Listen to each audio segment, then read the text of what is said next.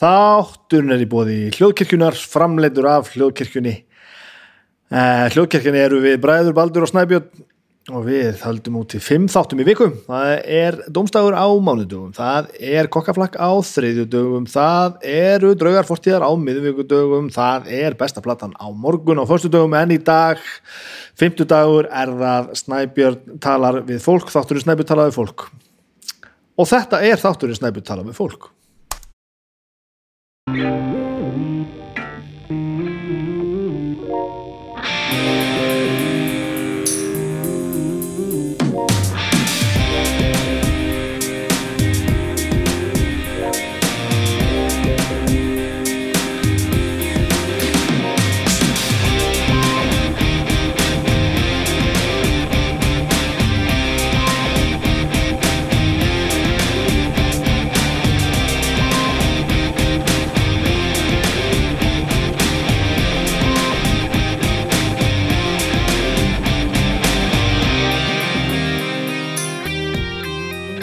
Komið sæl og velkomin í þáttinn, þáttum við 19, Snæbjörn talaði fólk um 19.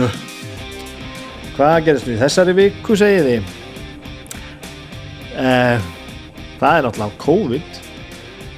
En svo hljómanum nöttulega þá er, þá er einhver friðþægi. Það er ansi næs að vera bara með mótefni þegar að, að, að, þetta rýður allt saman yfir aftur. Djúvill er þetta leðilegt. En svo sem líf mitt hefur svo sem ekkert, raskast mikið leikskólinn ætla nú að halda sínu strikki svona þokkalaga sínist mér. Og vinnan hjá mér er að svipuð og þetta er allt saman svona. Og ég er ekkert mikið í að fara niður bæði að skemmta mér um helgar þessa dagana þannig að þetta er nú svona það mest að fyrir að hvað það sleppur þetta er fokkleðilegt maður. Þetta er fokkleðilegt, við erum að þrauka þetta og halda þetta út og gera þetta almennilega þannig að við hljótum að geta sammælst um það að passa okkur og spritt okkur og hætta að fara í sleik við fólk sem við þekkjum ekki. Þetta bara, við hljótum að, að döga þetta, þetta, við hljótum að ná þessu niður. Fjandina við það. Það verður bara gerast. Um, sjálfuð mér svona ég, ég hérna, ég, ég tók pönnukokustaflunum með tvö um síðustu orgi heldum upp á þryggjára amali á Björgvinni síðan okkar, þannig að það er nú gott. Hann er nú þryggjára elsku blessaðu drengurinn. Glæsilegu sem hann er það var gott, við heldum hérna partí og matabóð og alltaf verða vittlust alltaf verða vittlust, svo reyði hérna veður yfir, yfir landið og seltjarnesi og vöstubæðin, kannski engum á sérlega og alltaf bara hálfur hafsbótnin komin hérna upp á, upp á, upp á ströndina. Og þegar ég sitt hérna í eldhúsinu og er að spjalla og horfi hérna út, út, út úr glunga þá sé ég hérna, það er svolítið þang og þara skablandur ennþá hérna í, í fjörinu og upp af henni, þannig að þetta var, var ansið mikil, ansið mikil sprengja búinu svona þannig að við erum að sé svona berskjöldu fyrir veð, veðrinu og það var svolítið, það var svolítið svo að væri bara að varpa, verið að varpa sprengjum hérna fyrir utan og það er ennþá svona drinur í sjó og, og svona dramatist sko, það verður að verður að segjast. Hvað er meira já, við tölvu, við erum tölvuleikjarnördar höfum í ymsa snúast þessa dagana, það er búið að tilkynna tilkynna dagsetningu fyrir Playstation 5 sem er hér á, hér á landi áverður 19. november og allt fór í náttúrulega blúsandi fórsölu og allt uppselt. Og ég setti nú þá vinnuröglu ég er búin að spila Playstation frá upphafi og hef átt og árendar Playstation 1, 2, 3, 4 og 4 Pro. Átt þetta allt saman. Og það eru ykkur starf hérna upp í hillu. Hef sett mér þá vinnuröglu að kaupa nú aldrei fyrstu fyrstu kynslu hverja velar sko. Ég ljósi þess að það eru nú svona ofta, ofta tíðum kannski bara svona ekkert alveg tilbúinar þegar að koma markaðin og fyrstu eintökin eru oft þess þess lega þau, þetta yfir hittan og svolítið og svona misjamt kannski. Eða svona getur allavega, getur verið þannig að ég hef nú sett mér þá þá vinnur reglu að kaupa ekki tölvundan nýjar en þannig að ég pantaði nú ekkert úr þessari fórsölu núna og nú er hann uppseld í fórsölu þannig ég, ég, ég braut nú ekki þá, þá vinnurreglu en ég fann að mér kýtlaði fjandi mikið sko, mér langar ægilega mikið í þetta, ég held að það sé þetta verður komið hingaði fyrir jól er um. það er eiginlega við nöðsulegt, þetta, þetta er gaman. Það er fátt meira gaman hendur en að spila spila tölvuleikir. Tölvuleikir, teiknimindasögur og vínilplötur. Ef þetta, nú er ég að horfa hérna á hillunum mína, bara þetta hérna þrent þetta kemur manni bara fjandilangt þetta getur alveg þetta er fyrir, fyrir fólk sem á erfuleikum með núvindund, ég held að þetta sé bara þetta sé frábær uppskrift. Þannig að Playstation 5 ég er búin að googla mikið og horfa mikið og eh, já, þetta er þetta er ansi þetta er nöðsynlegur hlutur í mínu lífi það er þannig. Annars er bara kólna, það er bara að koma haust og þetta er allt einhvern veginn. Það er grátt og, og allir í sótkví, þetta er eitthvað pínu fókt upp sko. En ég held að þetta verði allt í lægi samt sko, hljóðkirkjan er á blúsandi siglingu. Eitt reynda leðilegt að var verið að, að, að fresta útgáfinni á, á, á, á tónleikum með skálmöld. Og það koma eh, plata og held ég Blu-ray.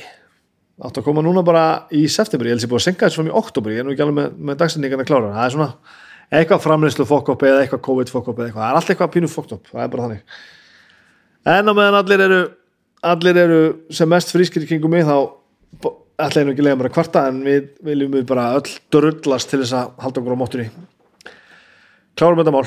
Um, gesturinn í dag var Þurriður Blær.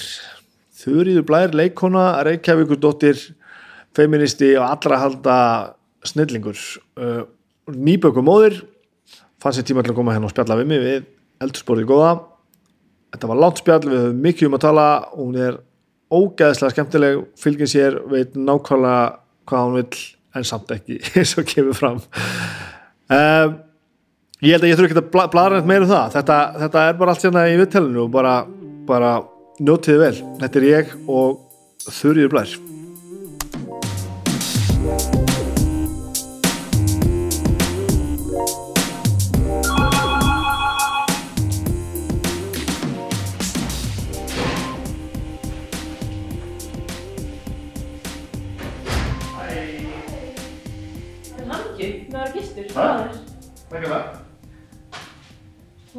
flott íbúð.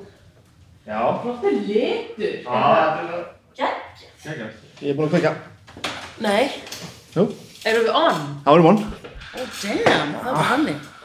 Ég ætla að byrja hérna á hápunktu viðtalsins Ok. Þannig nú erum við byrjuð Þú Já. skal tala eins þessu mikrofónu og hægt Já, þá er ok. Að minn prófa. glæður Þannig sé ekki svona, ég er svo nývöknu. Ég hefða ég, ég, Þú veist, googlaði eitthvað pínu þú veist bara að fór svona research eins og maður gerir þegar maður er að fara að tala við fólk Klála. og hefða mm. Svo blöður það Elska sólega hvað Ég sá þau bara hérna einhvers stað bara einhver myndaði með þessa plötu og ég bara á ég ekki eitthvað alveg gatslitið hundónið eintakaði sem stað? Ég veit ekki og Geggjað. með hvað það kom sko.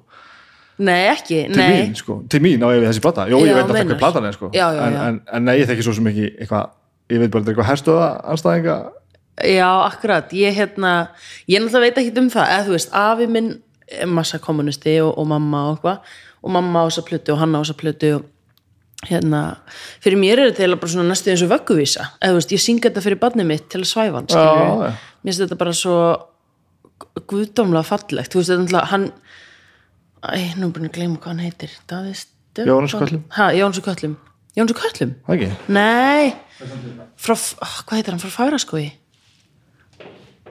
Hann sko frændi Nei, Jónas minn. Kottum Ó, yes. herðu, klipptu þetta út. Já, ok, ok, ok, ok. Allána uh, Þetta er bara svo ótrúlega vel sami Hann gerir hérna ljóðið en síðan gerir þessi leikúpur þessi, þessi lög og uh, þessa uppsetningu í rauninni. Og já, ég er bara eitthvað þetta er eins og eitthvað svona þú veist, þetta er eins og eitthvað svona prinsessu saga, skilru Þetta ljóð er alltaf geðveikt, ég rendi, Já. rendi þetta, ég þarf bara að lesa þetta betur sko. Þetta er rosalegt sko. og ég held einmitt, ég sem barn hef tekið svona miklu ástfóstri við þetta náttúrulega bæði að þetta er eins og ævintýri en líka kannski maður finnur sko dýftina finnur hvað er á bak við þetta og það að þetta sé íslenskt gerir þetta svo geggjað og tóra þórar og, og það hann sé að nota sko minni úr íslenskum vísum eins og hvað, hétt hundur Karls sem í afdölum bjó og þetta er eitthvað svo töff. Og svo er leikarandi svo geggjaðir. Og Arnar Jónsson náttúrulega er hana í farabróti og ég var alltaf ástfangin af honum sko og röddinn hans. En hérna, já ég veit ekki, ég, ég elska þetta sko. Og ég, og ég á bók sem að svona rýnir svolítið í kvæðin. Þannig að maður getur vita að því mann því ég var lítil ég var alltaf eitthvað, en hvað þýðir þetta? Þú veist, hvað þú veist, að ég vissi þetta þýddi eitthvað meira. Þú veist, þetta er. Sóley er hérna, nú leðilt fyrir fólk sem hefur ekki hlustað Sóley kvæði, en, en Sóley er þú veist, hún er hún er eh, sko Ísland eins og bara fjallkonan, bara náttúran og allt það. Uh, brúðguminn hennar er uh, sko íslensk list og þú veist það með að tjá sig og, og, og segja ljóð og allt þetta. Og síðan er þjóðun, það er þjóðin. Uh, Tóra Þórar eru væntanlega embættismenn sem eru að vinna í þáu bandaríkjana já, og síðan er hinn vondi sem er bara bandaríkin. Og þú veist, þetta er um þetta er um skiluru já, herstöðuna og um sjónvarpið og um að Ísland sé að breytast í litlu Ameríku og að það sé ekkit málfrelsi lengur og þú veist, þetta er bara gegja og þetta er svo þrungið sko. Nefnilega. þetta er bara, þetta er bara, er bara svo yfirvóðandi skelving í loftinu. Það er svo rosalegt. Og, en, veist, og ég syng ekki ég hef sko ég grætti barnið mitt eins að ég söng meira en fyrsta kaplan fyrsti kaplan er geðfallegur, hann er sérst eitthvað svona sólei sólu fegri situr við hafið á kóralskóm. Geggja flott mynd, skilur þá er það bara kóralskór, þú veist, þetta er bara hún er landið. Og eitthvað svona, og svona er þetta rosa fallegt, en síðan kemur þú veist eitthvað. Hva- eitthvað Systir ljáðu mér pott, hvað vilt þú við hann? Sjóða mann, sjóði honum mann. Ég byrjaði að syngja þetta og þá fór hann að gráta. Þannig að ég ætla bara svona að vinna með að, að syngja bara svona, þú veist, eitt nýtt kvæði á ári kannski. og þú reynd sko að sjálfa það Já, reyndar, ég er að reynd sko kvæðið fyrir barnið mitt. ég mynd var að hlusta það sátt í morgun og hérna hérna hún hérna hún hérna Edda Þórans, hún hérna hún, kvartar svo mikið í gegn að þetta er svo að hlusta á svona hlusta á svona, svona há alvarlegt þrjú á palli.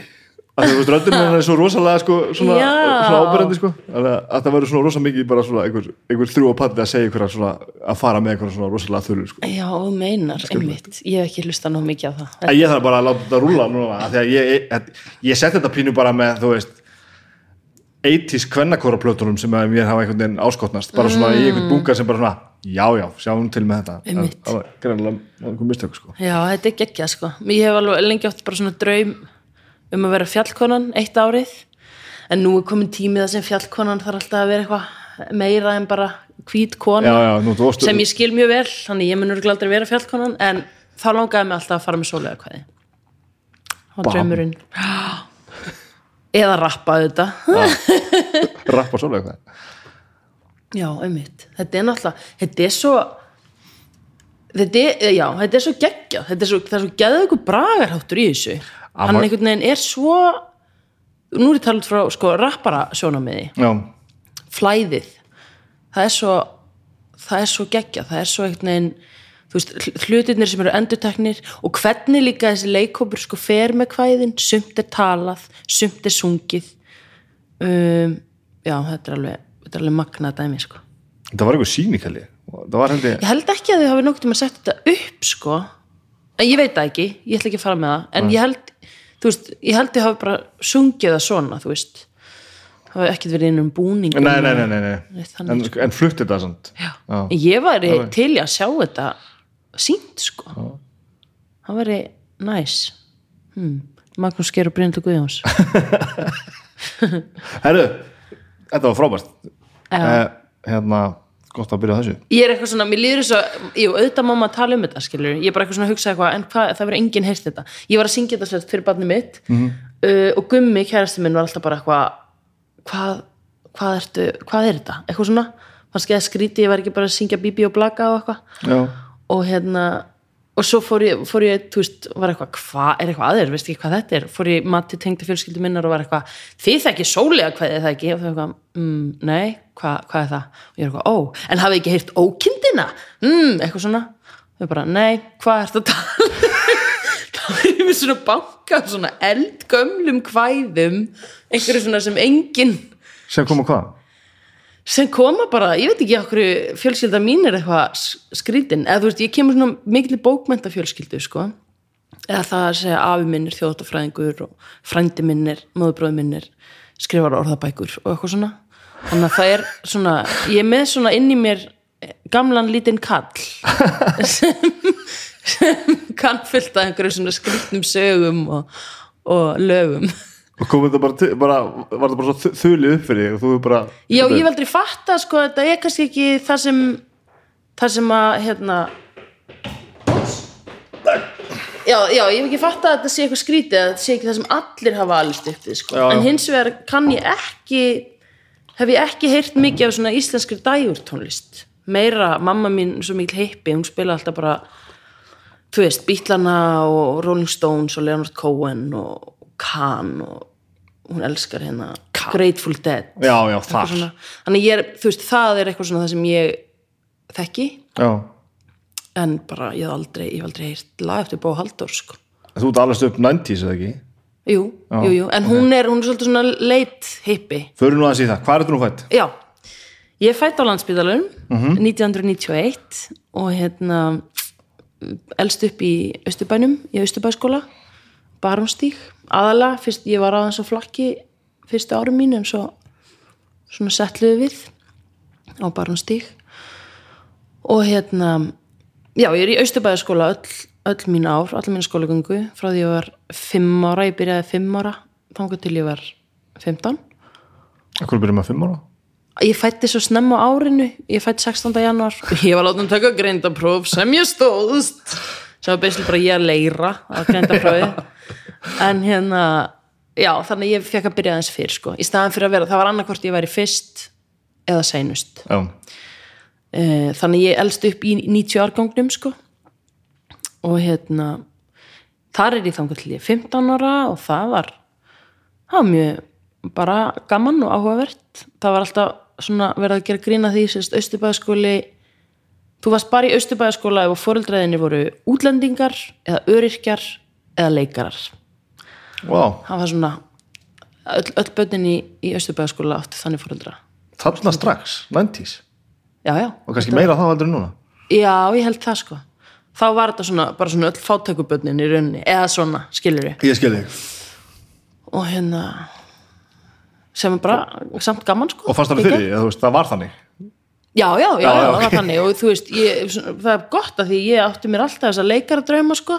Og ég hef einhvern veginn óvart alltaf laðast af sko börnum sem áttu leikara fóreldra já, já, að hérna sem er úslega fyndið. Kæristi minn er leikarabatn og besta vinkunum mín er leikarabatn og hérna hann er svona ómeðvitað verið að byggja upp tengslanett skilur, hann var mjög gott fyrir mig að bara frá því að ég var fimm ára bara let's do this uh, svo fer ég ef ég held áfram með sögunum mína já, bara, já, já. Svo, allt ára bara. svo fer ég MH leikaraskólan -hmm. fór þangað aðalega að því ég var einmitt með leikaradrauma, mér fannst það vera svona leikaraskóli uh, svo voru, þú veist, komst ég að því setna það eru náttúrulega geggjuleikfélög í flestum skólum, Versló til dæmis tvö leikfélög, já. ekki það ég hefði örugglega ekki plummað mig þar sko en uh, já, ég fer þar og fer í, fer í öll, öll, allt leiklistar sem ég kemst í fer í leiklistar áfanga og og þú er bara strax farin að horfa þess átt bara leika, leika, Já. leika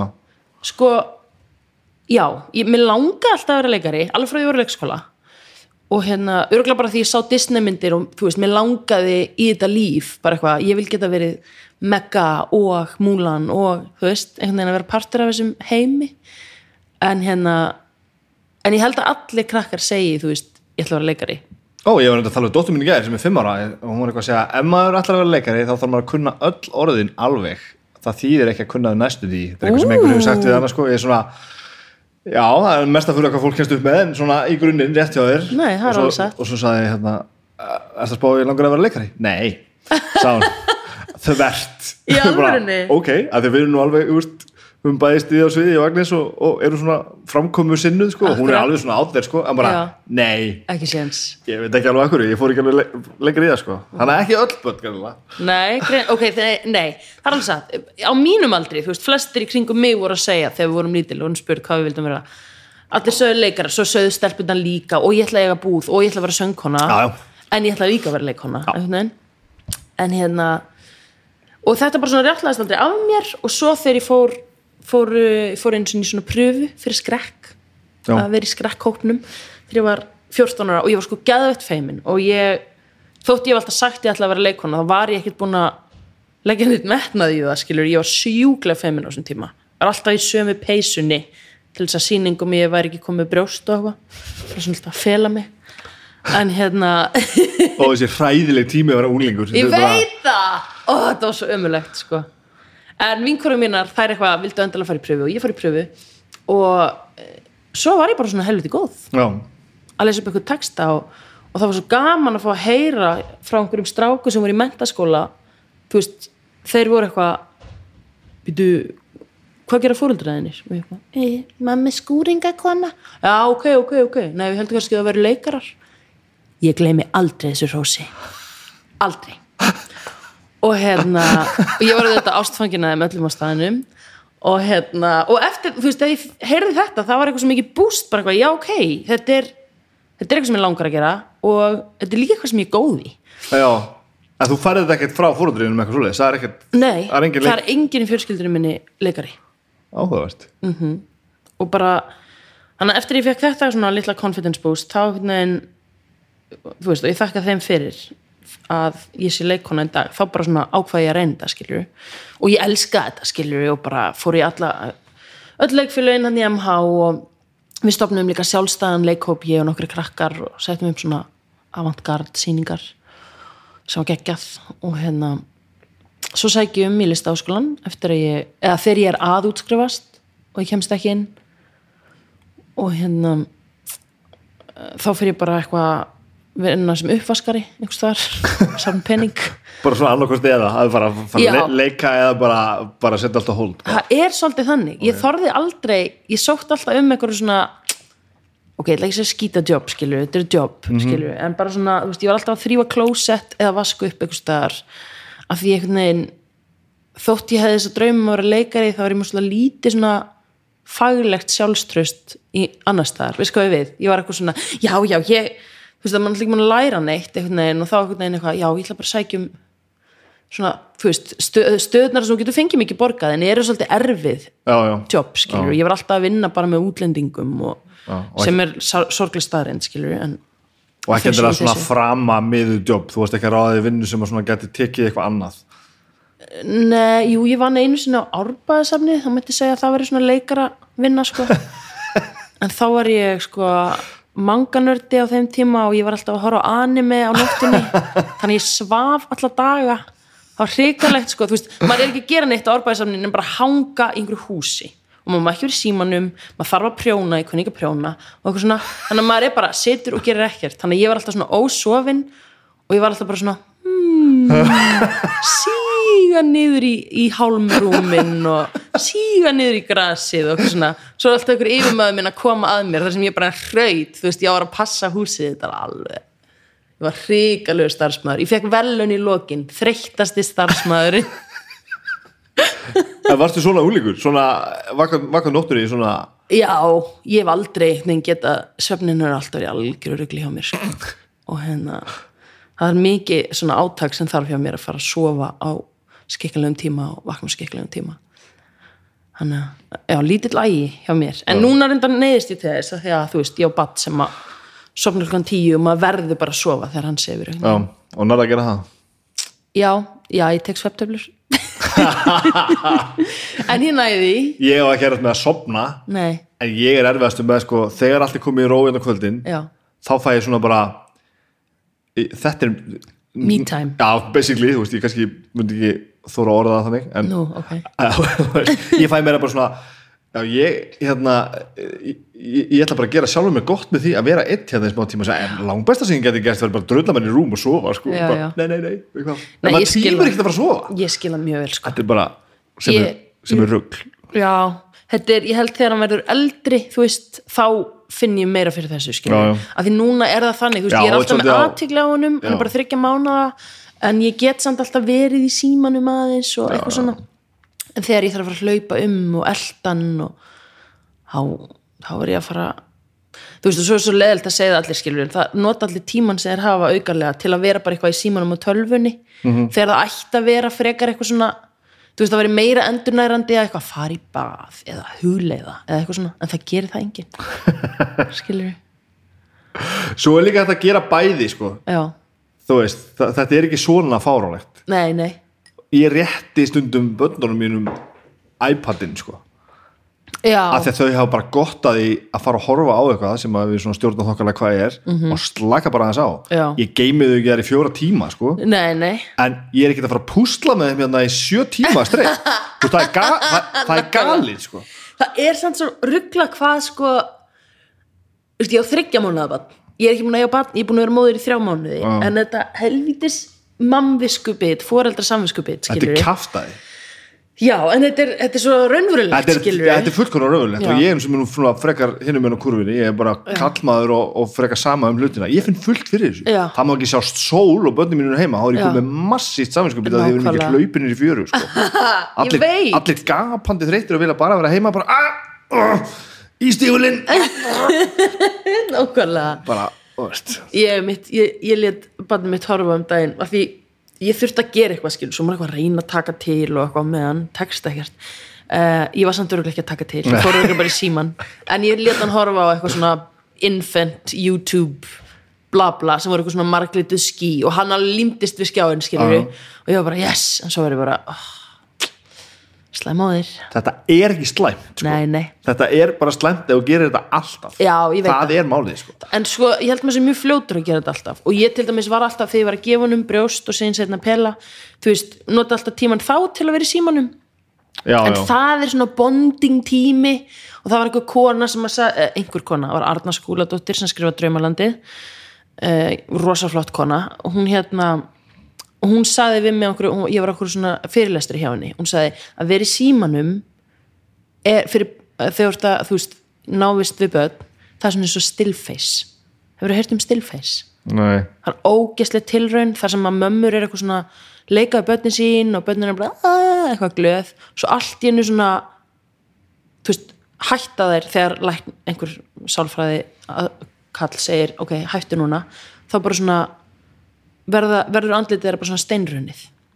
Og fóreldrana já, möm, mamman, mömmun, mamman mömmun, mömmun. Uh, mamman og barnið eru saman inn í herbyggi skilur, þau eru að leika og já. mamman verður bara svona steinrunnin segir ekki neitt, bara svona starir á barnið með bara svona döðu andliti. Og barnið svona byrjar að þú veist, eitthvað svona amra og byrjar eitthvað svona benda og verður eitthvað, sjáðu mamma, þú veist kann ekki tala, en við erum að tala um bara svona lítil börn. Og hérna og á endanum fyrir að gráta skilur við, að því mamman er ekki að bregðast við. Og þetta er svo, þú veist, það er hægt að googla þetta og sjá tilraunir og þú veist, þetta er svo, þetta er svo maður færi alveg svona illt í hjarta bara, akkur eru það að gera börnunum þetta? En þú veist, þetta er síðan bara í smá tíma síðan fara, vakna þær aftur til lífsins skilur en þetta er eitthvað svona, ég held að þetta sé verið að kanna, þú veist, áhrif fæðingafanglindis á börn.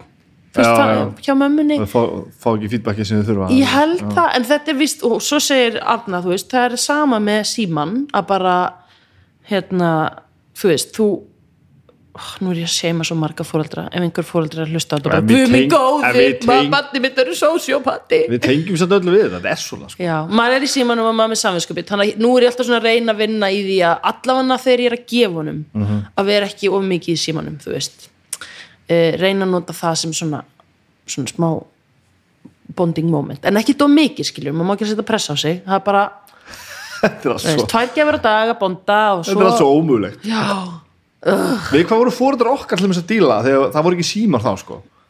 já, einmitt. Það var, var sjónvarp það var algjört já, sko. pottjett það var bara, þú veist, ef þú varst allavega, þú veist, ef þú varst áskæðandi á stöð 2 og það var barnasjónvarp á modnana þá varstu, varstu vondmanniska sko. þegar stundin okkar var bara frá 6 til hálf 7 og bara fucking no, það var bara skamtur fyrir vikuna sko. það er það, það alltaf eitthvað maður ég veit það, Það ég veit það þannig, sko. og ég, samt, ég hef oft hugsaði mitt bara eitthvað svona alveg frá því að ég bara varð ólétt, þá er ég alltaf að hugsa um hvernig þetta var sko í eldgamla dag þegar fólk bjó bara í, í Já. og einhvern veginn og ég var, ég var að lesa um einhverja konu þegar ég var ólétt sem að sest, var hún fertug og eignaðist badn fertug og átti sjöbönn og var ekja og þú veist bærin var alltaf orðinn að taka henni húsið og hún einhvern veginn stendur alveg ein keik og þú veist er að fæða hana ein einhvers stór út í afdölum. Og það er einhver yfirsettu kona sem kemur ekki og þú veist þetta er bara svona og badn deyr skilur og þetta er bara allan að, skilur ekki máli, ég er alltaf að hugsa um bara svona, hvernig gerðu þau þetta hvernig í andskotanum fætti kona barn ekki á spítala? Með mændeyfingu og bara hvernig þú veist hvernig gáttu, hvernig gáttu konur alltaf verið að mjólka kýr og vinna vinnuna sína en samt verið með batn á brjósti og eða skilur ég bara, þetta er bara mér fyrirmunna að skilja þetta Já, en, en auðvitað var heimurinn líka allt, allt öðru vissi, ég meina það gerðist allt hægar. Já, já, og þú veist, það var ekki tilnætt sem hétt klukkan þrjú. Nei, nei. Þetta var bara eitthvað hana miðaftan og það náði bara við svona fimm tíma þegar þú vissir ekkert hvernig þú ætlaði að vera komin það var Nei. bara vondu verið út að labba. Þú veist, þetta var allt svona sko. já, já, og, og þú veist fólk bjóst ekkert við því að, að öll börnið þeirra myndu lifa fattar ég. nei, svo þetta er það. var bara ekki þannig. Standardin er var það. bara einhver annan greinilega. Einmitt, ég hef oft, ég var alltaf að segja um fólk eitthvað, ég meina, þú veist, í gamla daga fólk var að gera alls konar sitt í gamla daga og þú veist, alveg börn, þannig að ég má gera hvað sem er og þá er fólk eitthvað, já, veist samt að ungbarnadauði var bara mjög Mm. já, já, nákvæmlega þú veist. já, og svo þá maður bara eins brútalið á hljóma bara stilla sig af bara hvar er þá siðferðisfaktorum með það? Eigum við bara öll að lifa, fattar er þetta bara alltaf já, bara bjarga öllu og öllum? Já, svo er það. Stuttasvarið þess að svo já, auðvitað hlýtur það að vera fyrst við getum það. En þetta var kannski bara aðeins auðvitað þegar við gerum það ekki, sko. Ég lendi mjög dark samræðum um daginn sem að endi á því að hérna, við vorum að tala um sko, einmitt, hvað er ethikal við að vera manneskja bara í dag? Og hérna, ef ég eignast ég eignast eitt barn þá er mér skilt að drepa tvær manneskjur. Bara einhver tvær? Bara einhverja tvær, bara svona að því að þú veist eh, að, að fjölga fólki þú veist, við erum orðin Já, of já. mörg og við erum öll að eðlika jörðin fór okkur á mjög þunglitislega leiksýningu og, og eftir, þetta voru samræðinar eftir það. Og þurfti maður þá að vita hvað tvær mannskjur þetta væru að, að vissur Nei, nei, þú veist, það var bara einhver að segja skilur bara eitthvað, já, hérna, þú getur verið vegan þú getur kert ramaspíl en þú veist, ef þú ætlar að vera actually þú veist, að vinna fyrir náttúruna þá þarfst bara að vera fjöldamörðingi þú veist, og eitthvað svona. Og þetta er eins og þú veist, þú, þú heggur niður eitt trið og plantar það tveim og eignast eitt barn og þú, þú drefur tvær Já. Æ, þetta er mjög dark, ég hef ekki átt að tala um þetta. Það er það er frábær Haldum að Já, hvað varst að læra í skólanum? Varst aldrei með bakkaplan?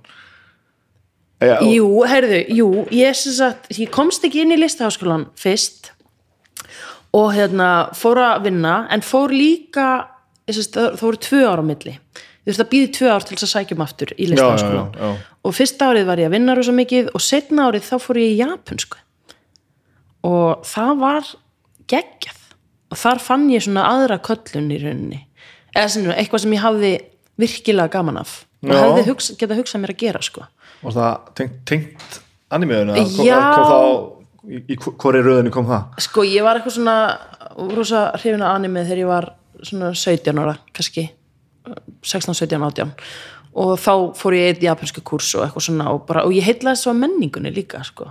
það er Japan er, þú veist, það eru svona Japanophiles, eða þú veist svona fólk sem bara svona bilast yfir því hvað Japan sé aðeinslegt og allt við það og ég var einn af þeim. Þú veist bara, þetta byrjaði, Gateway Drugið var anime, en þú veist, svo fór ég, ég var líka alltaf að lesa minningar geisju og og þú veist, bara einhvern veginn og ég hef aldrei komið til Japan en mér langa ekki að þetta fara. Og þú veist, ég heitlaðist líka af leiklistinni þarna og, og ég fór að horfa á svona sábóperur á japansku, suðukorusku, elskaði það Þetta er þess að ég tala um sýstu mína sko. hún, bara, Í alvörunni? hún bara, og manga og anime eitthvað og það kveikti svona svo kalli henni hún Já. fór bara og lærði japansku ok, og fórum til Japan Já, já, Kekja. var í Japan í allavega ár, eitt, eitt ég man ekki, eitt eða tvö ára eitthvað Já. Við fórum heimsóttum til Japan sko. ok, nice, Býtu, og hvað hvernig Jól- við að læra? Jól og áramót í Japan geggjað, Ef við fórum það er auðvitað svona tíu ár síðan já, ok. 2011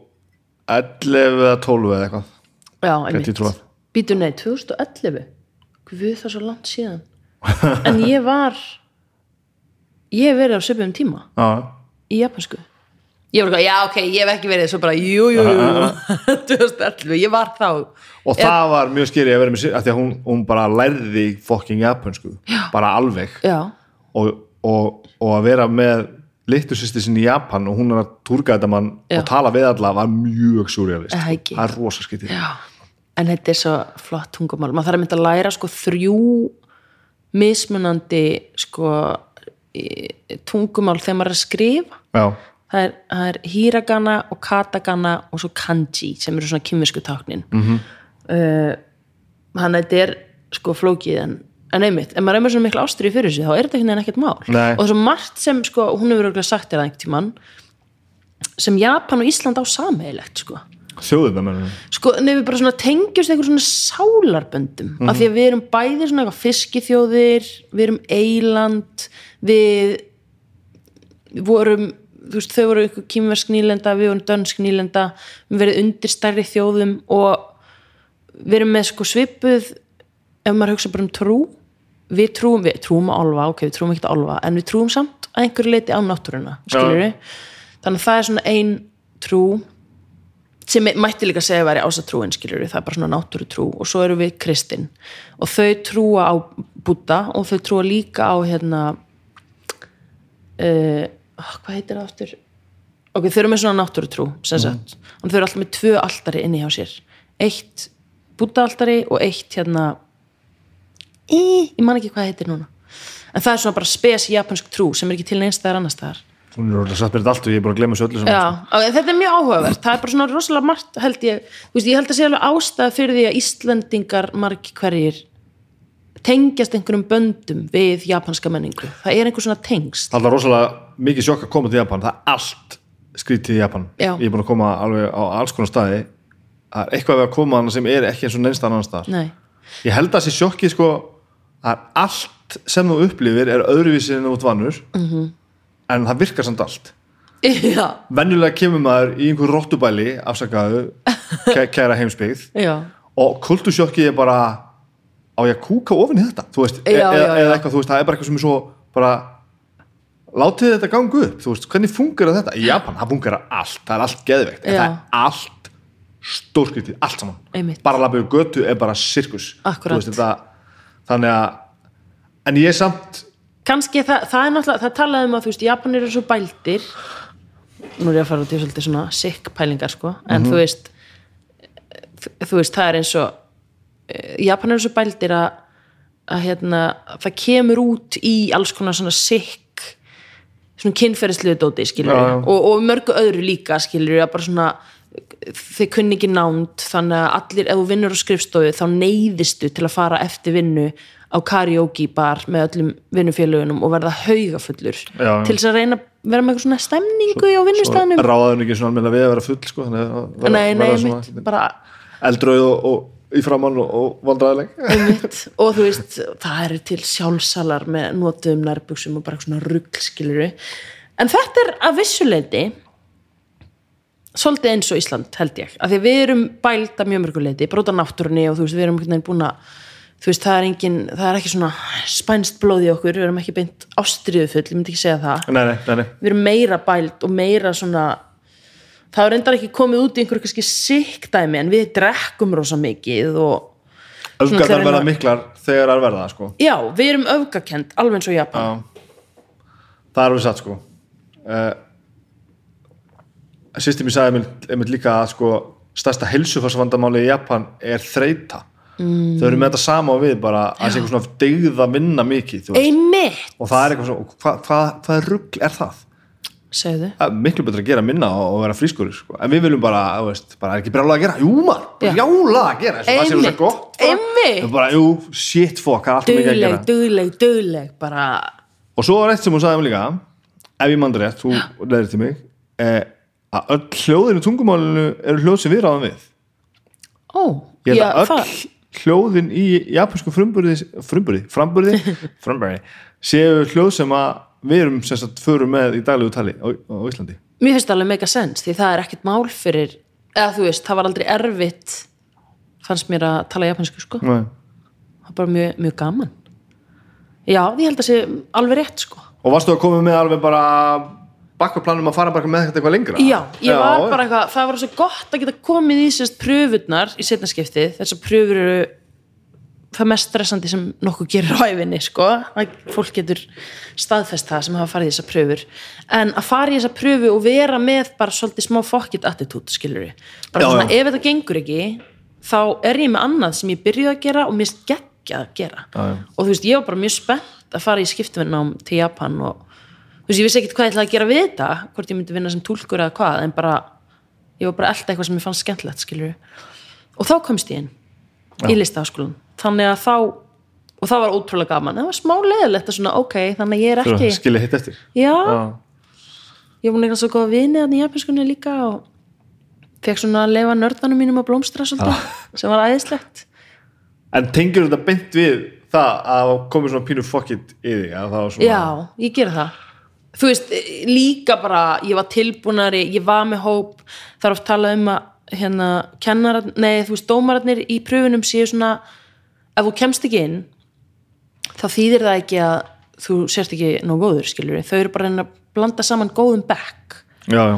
og ég hefði ekkert passa við bekkin sem var á undan mér. En bekkurinn sem kom á eftir þú veist, sem ég fór inn með það var bara, við vorum bara svo fjölskylda strax Já, við bara svona tengdum strósala vel og, og já, þannig að eh, það var líka það. En þetta er- aðalega Þetta er rosa mikið oft með alls, alls í margt að þegar maður hefur öllu að tapa þá fokkar maður í. Upp já, þegar maður er sama þá er maður miklu betri. Þetta snýst svo mikið um, veist, þessar pröfur og flestar pröfur sem maður fer í örgulega sem leikari, skilur ef maður er að elda, og sem listamaður ef maður er að elda gleðina, bara hafa gaman bara fokkið, skilur þá gengum manni svo vel. En um leiðum maður að setja ykkur pressu á sig bara eitthvað, ég verð, ég verð að fóta hlutverk eða eitthvað svona, og sjálfstörstun er náttúrulega hangi sama við að vera sama. Auðvitað. Þú fær náttúrulega um leið og allt hangir á sömu spýtunni þá fer maður að stressast yfir því að maður sé ekki gera nógu vel. Nefnilega, og þá um leið og sko sköpun verður vinna þú veist, verður eitthvað svona sem þú þarft að gera veist, þá, það drepur svo mikið sköpunina.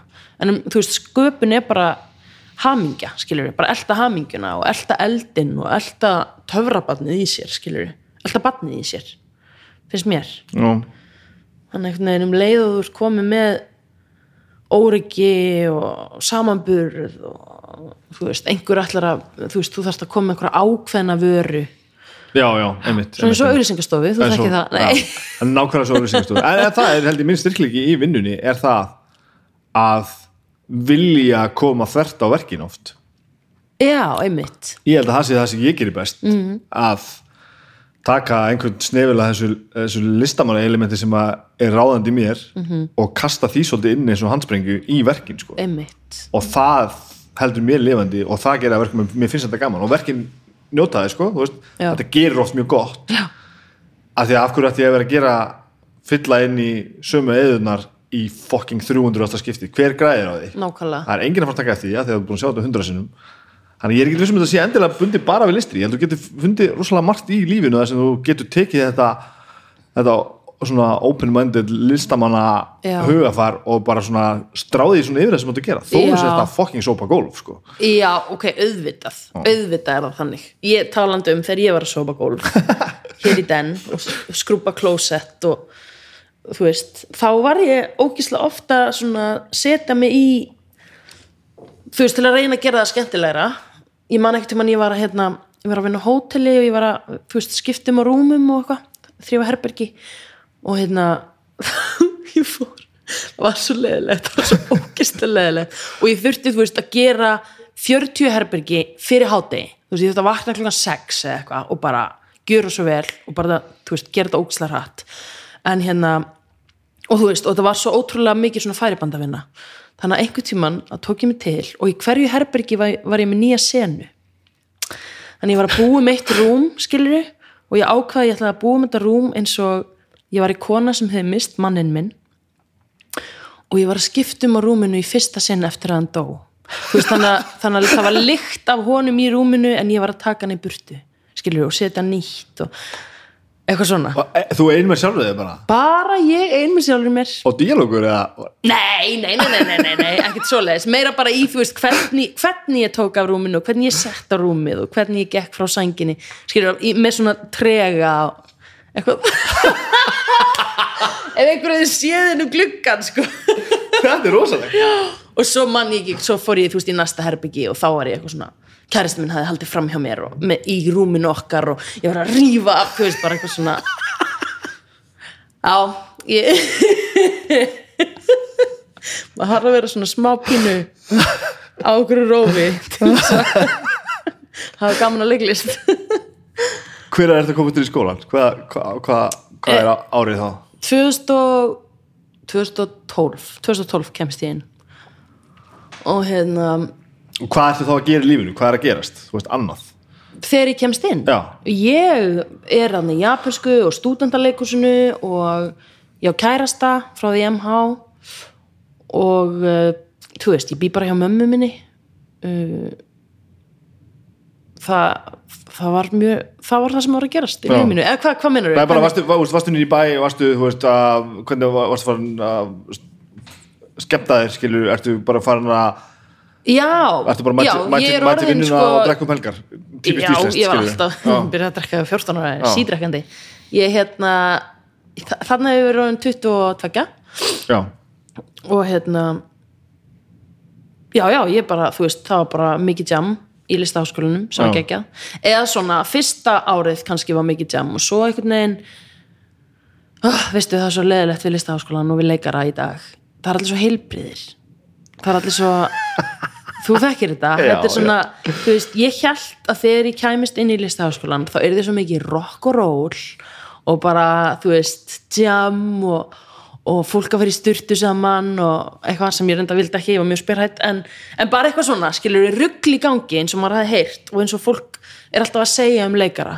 Og það var kannski þannig, einu sinni en núna eru bara nýjir tímar. Þú veist, ef þú ætlar að vera góður leikari þá skaltu gjöra svo vel og vinni sjálfum þér og vera hjá sálfræðingi.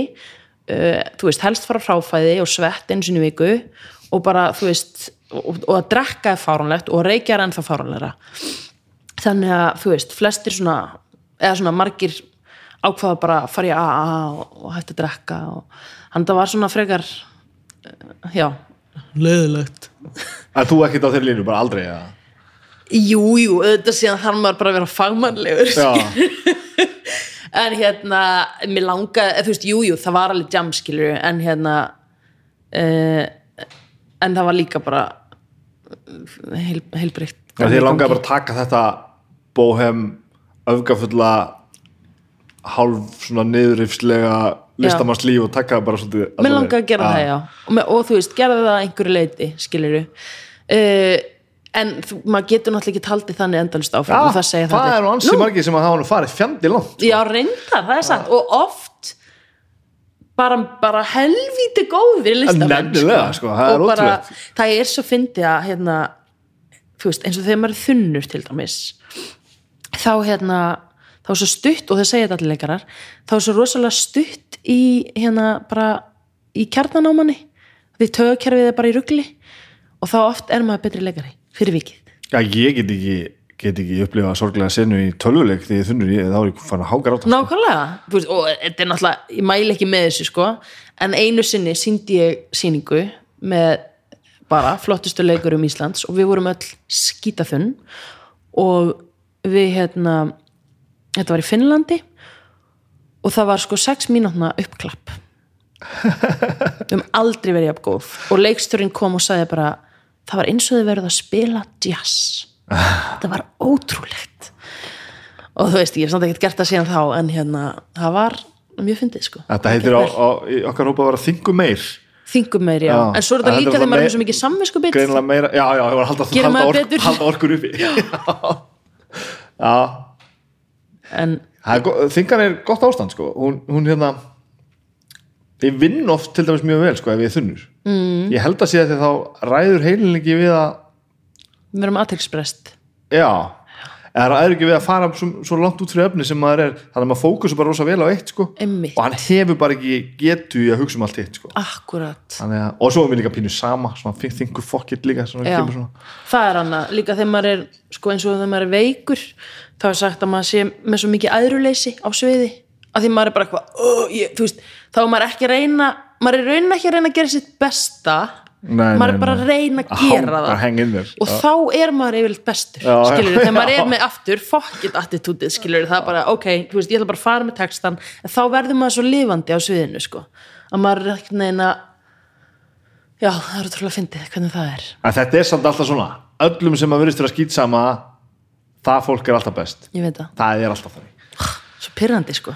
Já, nema maður veit kannski ekki alveg hvort að þessu fólki er sama eða hvort að þau eru bara svona góðið hvort að feika það eða bara ég held að sko það sem ég geri þegar mér gengur vel þá þú veist, er ég með mitt eigið litla svona verkefni, skilur sem er þá minn leikur, þú veist, að halda leiknum í hlutunum.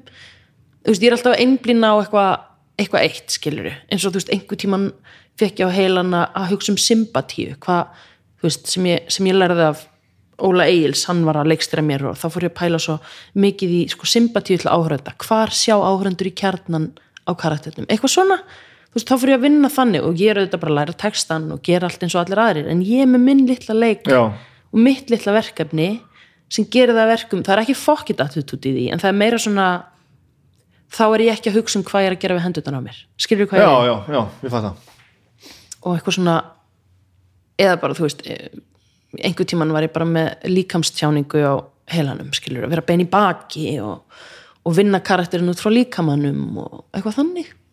Svona, það heldur mann í gangandi að vera með svona lítil, eins og maður sé alltaf í skólanum, skilur, bara eitthvað nú er ég áfanga þar sem ég ætla einblýna á. Já, einmitt, einmitt. eitthvað, þú veist, rattblæ eða eitthvað þannig, Já, þannig að það er en já, listaháskólin ok. Ég hérna er í þrjú ár í listaháskólanum og það var bara frábært. Og hérna, líka stundum leðilegt við vorum mjög mikið bara að labba í ring í þrjú ár.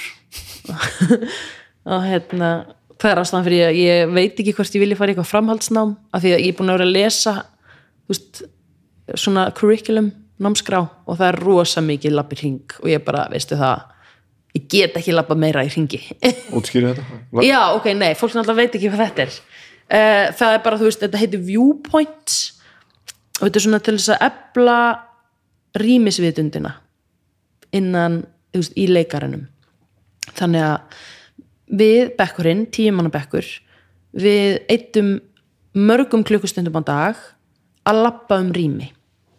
Bara að lappa og þú veist horfa á hvort annað, vita hvar allir hinir er í rýminu, finna fyrir þeim uh, og síðan ef einhver kannski fórum við æfingu þar sem að einhver stoppar þá þurfum við öll að stoppa. Ef einhver sest þá þurfum við öll að setjast. Ef einhver fyrir að hraða þá þurfum við öll að hraða. Þetta er svona útgáfa af því sem að við sem hefum verið í áhuga leikhúsi þekkjum sem fiskatorfuna. Já, já, í rauninni, Það- nema hvað fiskatorfan er öll saman. Já, já, en þetta er svona dreift um rýmið. En þetta sko eins leiðinlegt og þetta er. Já þá gerir þetta rosalega mikið. Ég ætla að mynda að spyrja, heldur þetta að gera eitthvað? Já, þetta gerir rosa mikið. Ég fann fyrir því til þegar ég, þegar ég stopna Reykjavíkudætur og við erum að uh, spila tónleikum. Við sem að höfðum verið í leiklistanámi við vorum alltaf mjög meðvitaðar um um svona uh, hvernig, hvernig við, þú veist, ef einhver ef allar stóðu, þá voru við að fara niður eða fara, þú veist, á efri hæðir. Til að búa til eitthvað svona kontrast í rýminu, við vorum alltaf með þetta um hvar kastararnir voru og við erum andlitið okkar í kösturum og allt svona dót á meðan, þú veist, það voru þarna nokkrar bara í kuðli og voru ekki að Já. fatta að það væri ekki að flott að horfa á það Og þetta er eitthvað sem að, að heldur að hafa verið lært meira heldur en þetta sé eitthvað sem er svona bara innbyggt í mann. Maður lærir og Já. þannig verður það innbyggt Já, í ok, já, en ekki auðvögt Nei, nei þú, þú fæðist ekki með þetta nema þú, ég veit ekki, kannski úr leikara batn, ég veit ekki Nei, maður sé, maður sé stundum eins og þú veist það er sumir leikari sem einhvern veginn standa á sviðinu og virðist alltaf vita nákvæmlega sko, nákvæmlega hvar þau að vera -hmm. eða þú veist, einmitt að tala um þetta beigja sig og standa upp og þetta saman. Já, já, já Svo er það líka leikstjóran svo þetta að segja, Já, ég er við samt ekki að tala um það, ég er að tala um þetta, þetta pínu litla, þú veist. Þú veist, bara þess að snúa aðeins meira fólk fram. bara aðeins að stilla sig af einhvern veginn fullkomlega að þið virðist sko ómeðvita Akkurat. og maður bara, mikið er einhvern veginn þægilegt að horfa á þetta allt saman. Einmitt. Svo er það, þú veist, þetta er endalus lærdómur. Maður læri það alltaf meira og meira og meira að hérna þú veist, þegar ég byrjaði að leika þá var ég rosa mikið að, að tala beint við fólk, að því ég var svo mikið að upplifa skilur, ég var bara að leika, leika, leika. Þannig að ég myndi snúa að þér bara eins og við snúum núna andlutinu að hvort öðru. Svo lærist það, ég sé mér eldri og reyndari leikara, veist, þeir þeir nota hvert einsta tækifæri til þess að horfa fram og snúa líkamannum alltaf aðeins fram. Það er bara, það er nýtt sem ég læri þar skilur og mismunandi eftir sviðum skilur hversu mikið hversu, hversu stór leikurinn í rauninni er, af því að það verður ofleikur þegar þú ert of mikið að snúa fram skilur en Já. ef það er á stóra sviðinu þá virkar það ef það er á litla sviðinu þá ertu meira intimate En svo sem að bestur leikara heimsins og þjóðarinnar og hvað Mhm. þetta allt saman heitir sem brjóta alla reglunar gera allt og mikið að öllu þú veist, snúa sér, það? snúa sér bara einhverja ringi og gera bara eitthvað, en það virkar allt getur þú komið dæmi? nei, Já, að því gleymi öllu jafnóðum sko. en, Ok. en, en, en til dæmis þegar þú sér leikara sem allt í einu bara snýst sér bara undan þér og byrjar að tala bara upp í sviði og maður bara ok, að litla sem ég veit um leiklist er bara a-a, Já. er bara ekki gera þetta. Já. og bara, þetta er frábært. Í alvörunni.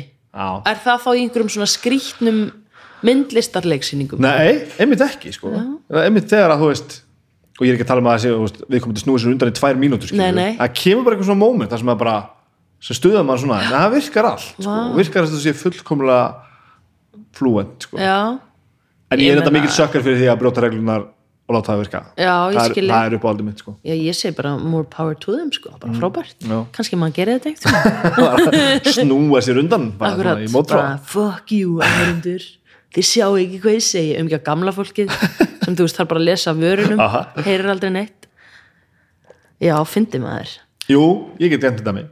já, Ég get nefnt að latta í einhvernum farsa sem ég sá fyrir löngu, löngu, löngu síðan. Hann, hann, hann, hann snýri sér í heilan ring undan mér, sko. ok Á meðan hann talaði. Ég, mér leiði svo hann hefði ekki tekið eftir. Ég Nei. man það á hryllilega leiðileg síning, ég man ekki hvað hann hétt. Og Ah. stóra síðan í borgarleikusinu. Það, það, það, ég, þar var ég búin að sitja með minni fyrirverandi í auðvitað svona hálftíma mm. að horfa á einhvern alveg gubbfarsa sko, sem Ok. var bara svo illa skrifaður hvað hétti þetta aftur maður, það var svona hörða farsi einhver mm -hmm. Og bara svo svartur almúin svo ég seti svona sleggjun á alla. Mm -hmm. satt í hliðin okkur og hló og hló skilur, og bara, bara fínt skilur, og það er ekkert að því nema við einhvern veginn bara vorum ekki stuð fyrir það bara eitthvað á þetta fyrir ekki sérstaklega góða dóma sko. Og þá leða svona 20, millir 20 og 30 mínútur.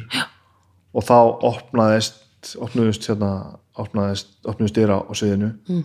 og latti stegin fyrsta, fyrsta skipti. og það var svona fjóra mínútur sem þurfti bara að- að að bara svona var svona idle stemning á sviðinu að fólk bílaðist bara. Vá, hann sagði ekkert, gerði ekkert og hann bara trublaðist allt. Einmitt, það er svo fyndið maður.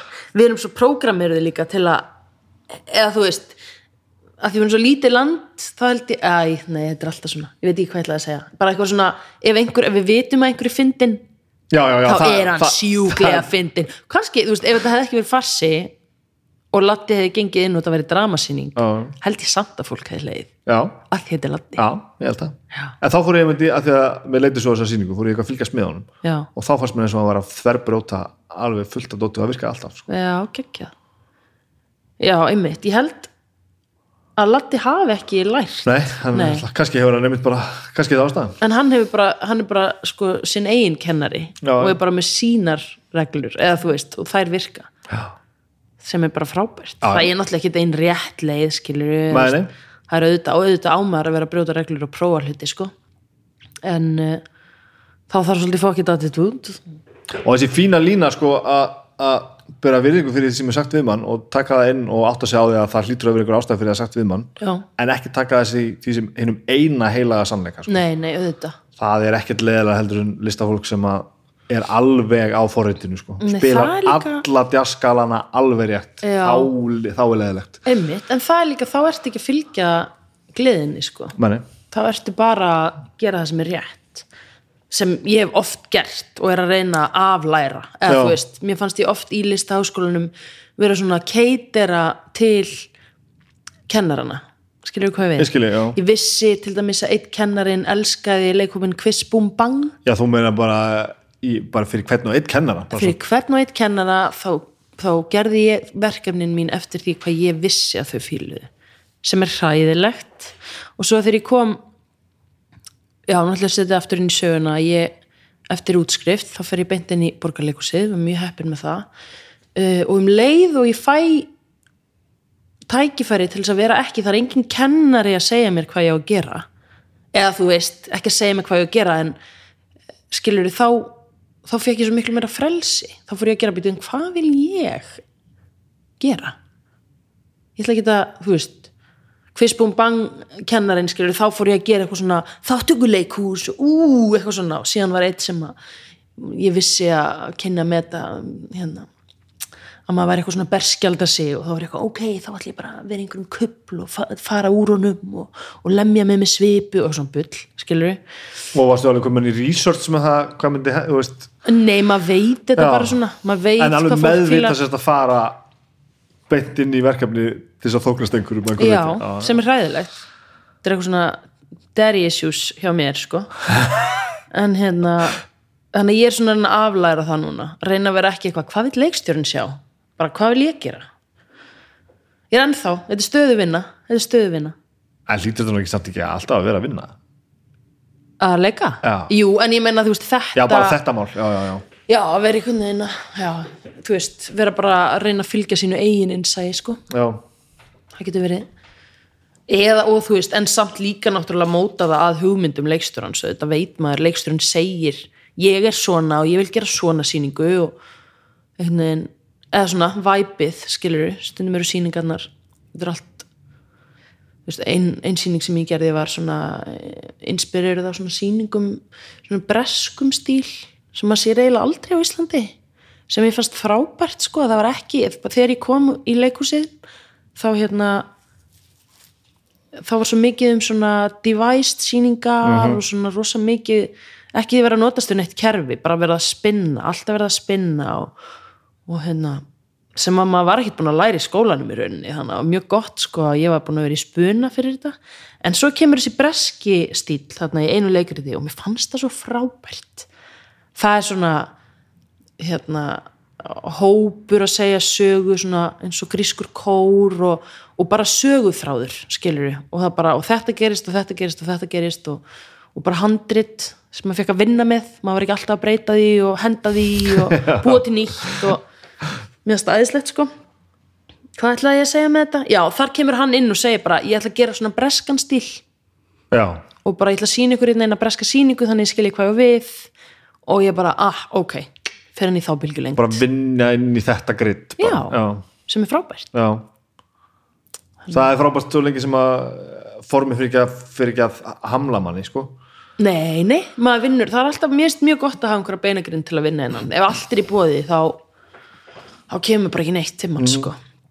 Það er svolítið svo leis finnst það þú að segja þetta með, með hérna, the daddy issues. Já, að hérna er þetta ekki þannig að maður tekur alltaf allt með sér sem að maður upplýði framan á öllu og, og allt sem maður er að gera í öllu þessu dóti það er alltaf afleðinga þessu öllu saman. Jú, ég til dæmis er einhvern veginn alltaf einhverjum mótróða það, akkur stopnaði ég ekki bara fucking sveitaballaband sko.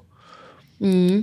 að því ég hefði bara getað haft það fínt í staði fór ég bara að spila einhverja þú veist fyllir í þessu músík og þungarokk og eitthvað punk og eitthvað drasl sko. á einhverjum svona fullum metnaði já, sé aldrei krónu sko. ég hefði alveg getað haft það fínt í hinu sko. Og bara einmitt. fundist það frekar gaman Já. en ég er í einhverjum mótróa sem var svolítið byggður í mig þegar ég var, var ungur sko. ok, hvað, hvernig þá? um, fyrsta lagi var uh, mér gekk rosalega vel í öllu alltaf mm -hmm. góður í skóla og hérna, átti vini og eitthvað svona og það var alltaf verið svona íta mér svona inn á einhverja svona, svona þægilega svona íta mér notabenni ég fikk besta uppeldi heimi svo Ok. okay. byrjun á því, Ok. mjög mjög heppið með það en alltaf svona bara Nema þú þurftir að vera fullkomin Ná, ég þurfti að vera að gera eitthvað þú veist, Já. fara hérna þú veist, í skólan fa- fara þetta, ég ætla að skópa um skóla eða bara strax, að því að bara Já, þú veist, auðvitað náttúrulega líka bara einhver þunglítur úlingur sem bara svona þú veist, er, er ég ekki alveg við tilfinningar þar Mhm. en líka bara, heyrðu, hætti þér að segja mig hvað ég á að gera, sko, já, alveg þetta. Að ég veginn svona letið þetta fungara, sko. Já, og svo kom bara, þú veist var bara sálin vinsalasta hljónst í heiminum og, og svo bara hérna skítamórulega allt saman. Og ég var að spila á gítar og bara ég get samið þessi lög með vinstri, sko. Já, ég ætla ekki að gera, nei. Alveg bara leið, sko. Og þá fór ég að og, og, og svo bara líður tímin og ég er um 40 ára gammal ég er ennþá að sjá sjálfa mig sko hérna taka það sem maður fekk einhvern veginn svona Já. í uppeldinu og ég er ekki að segja að láta að skemma fyrir sér en einhvern veginn svona taka ekki slægin út úr því sko Nei, og það nei. er, það er pínu fyndið sko hvað það fylgir manni lengi. Nei, algjörlega, ég meina þetta móta mann eins og ég segi, þetta er stöðu vinna þú veist, að því maður kannski losnar aldrei almennilega við það.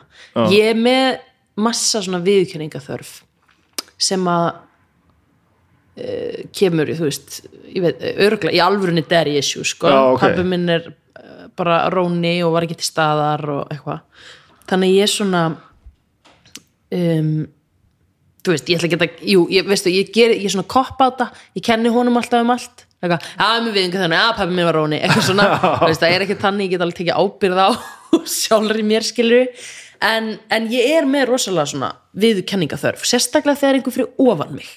Skilur einhver sem er uh, leikstjórin minn leikhússtjórin minn, eitthvað svona og þess að fyndi stundum, þú veist, er einhver bara vinu minn, en svo fyrir við í eitthvað svona vinnu umhverfi og hann verður, þú veist, fyrir að leikstýra mér, þá allt í hennu fæ ég svo mikla svona var þetta gott, var þetta gott, viðurkendu mig. Skilur, sem ég held samt að margir leikarar séu með. Það er örugglega bara partur á ástæðinni fyrir því maður velur þetta jobb, Mm. þú veist, að fá bara klapp.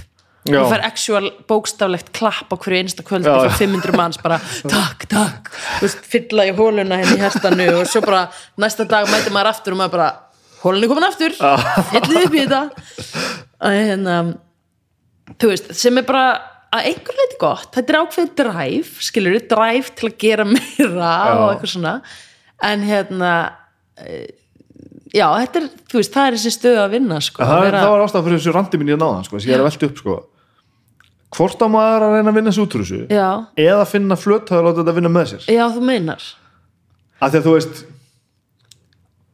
ég komst alveg upp á, upp á, hérna, upp á sviði í Elborg skilju, já, með þungarhljóstina mína. Já, en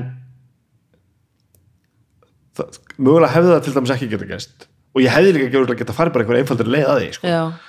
þannig að þú veist, þetta er einhvern veginn og ég er rosa stoltur af þessu ég hef gert já og ég er ekki vissum ég hefði vilja, vilja gera öðruvísi en af hverju var ég að gera þetta svona erfitt sko? Ég skil þig. Sko, ok, tvent.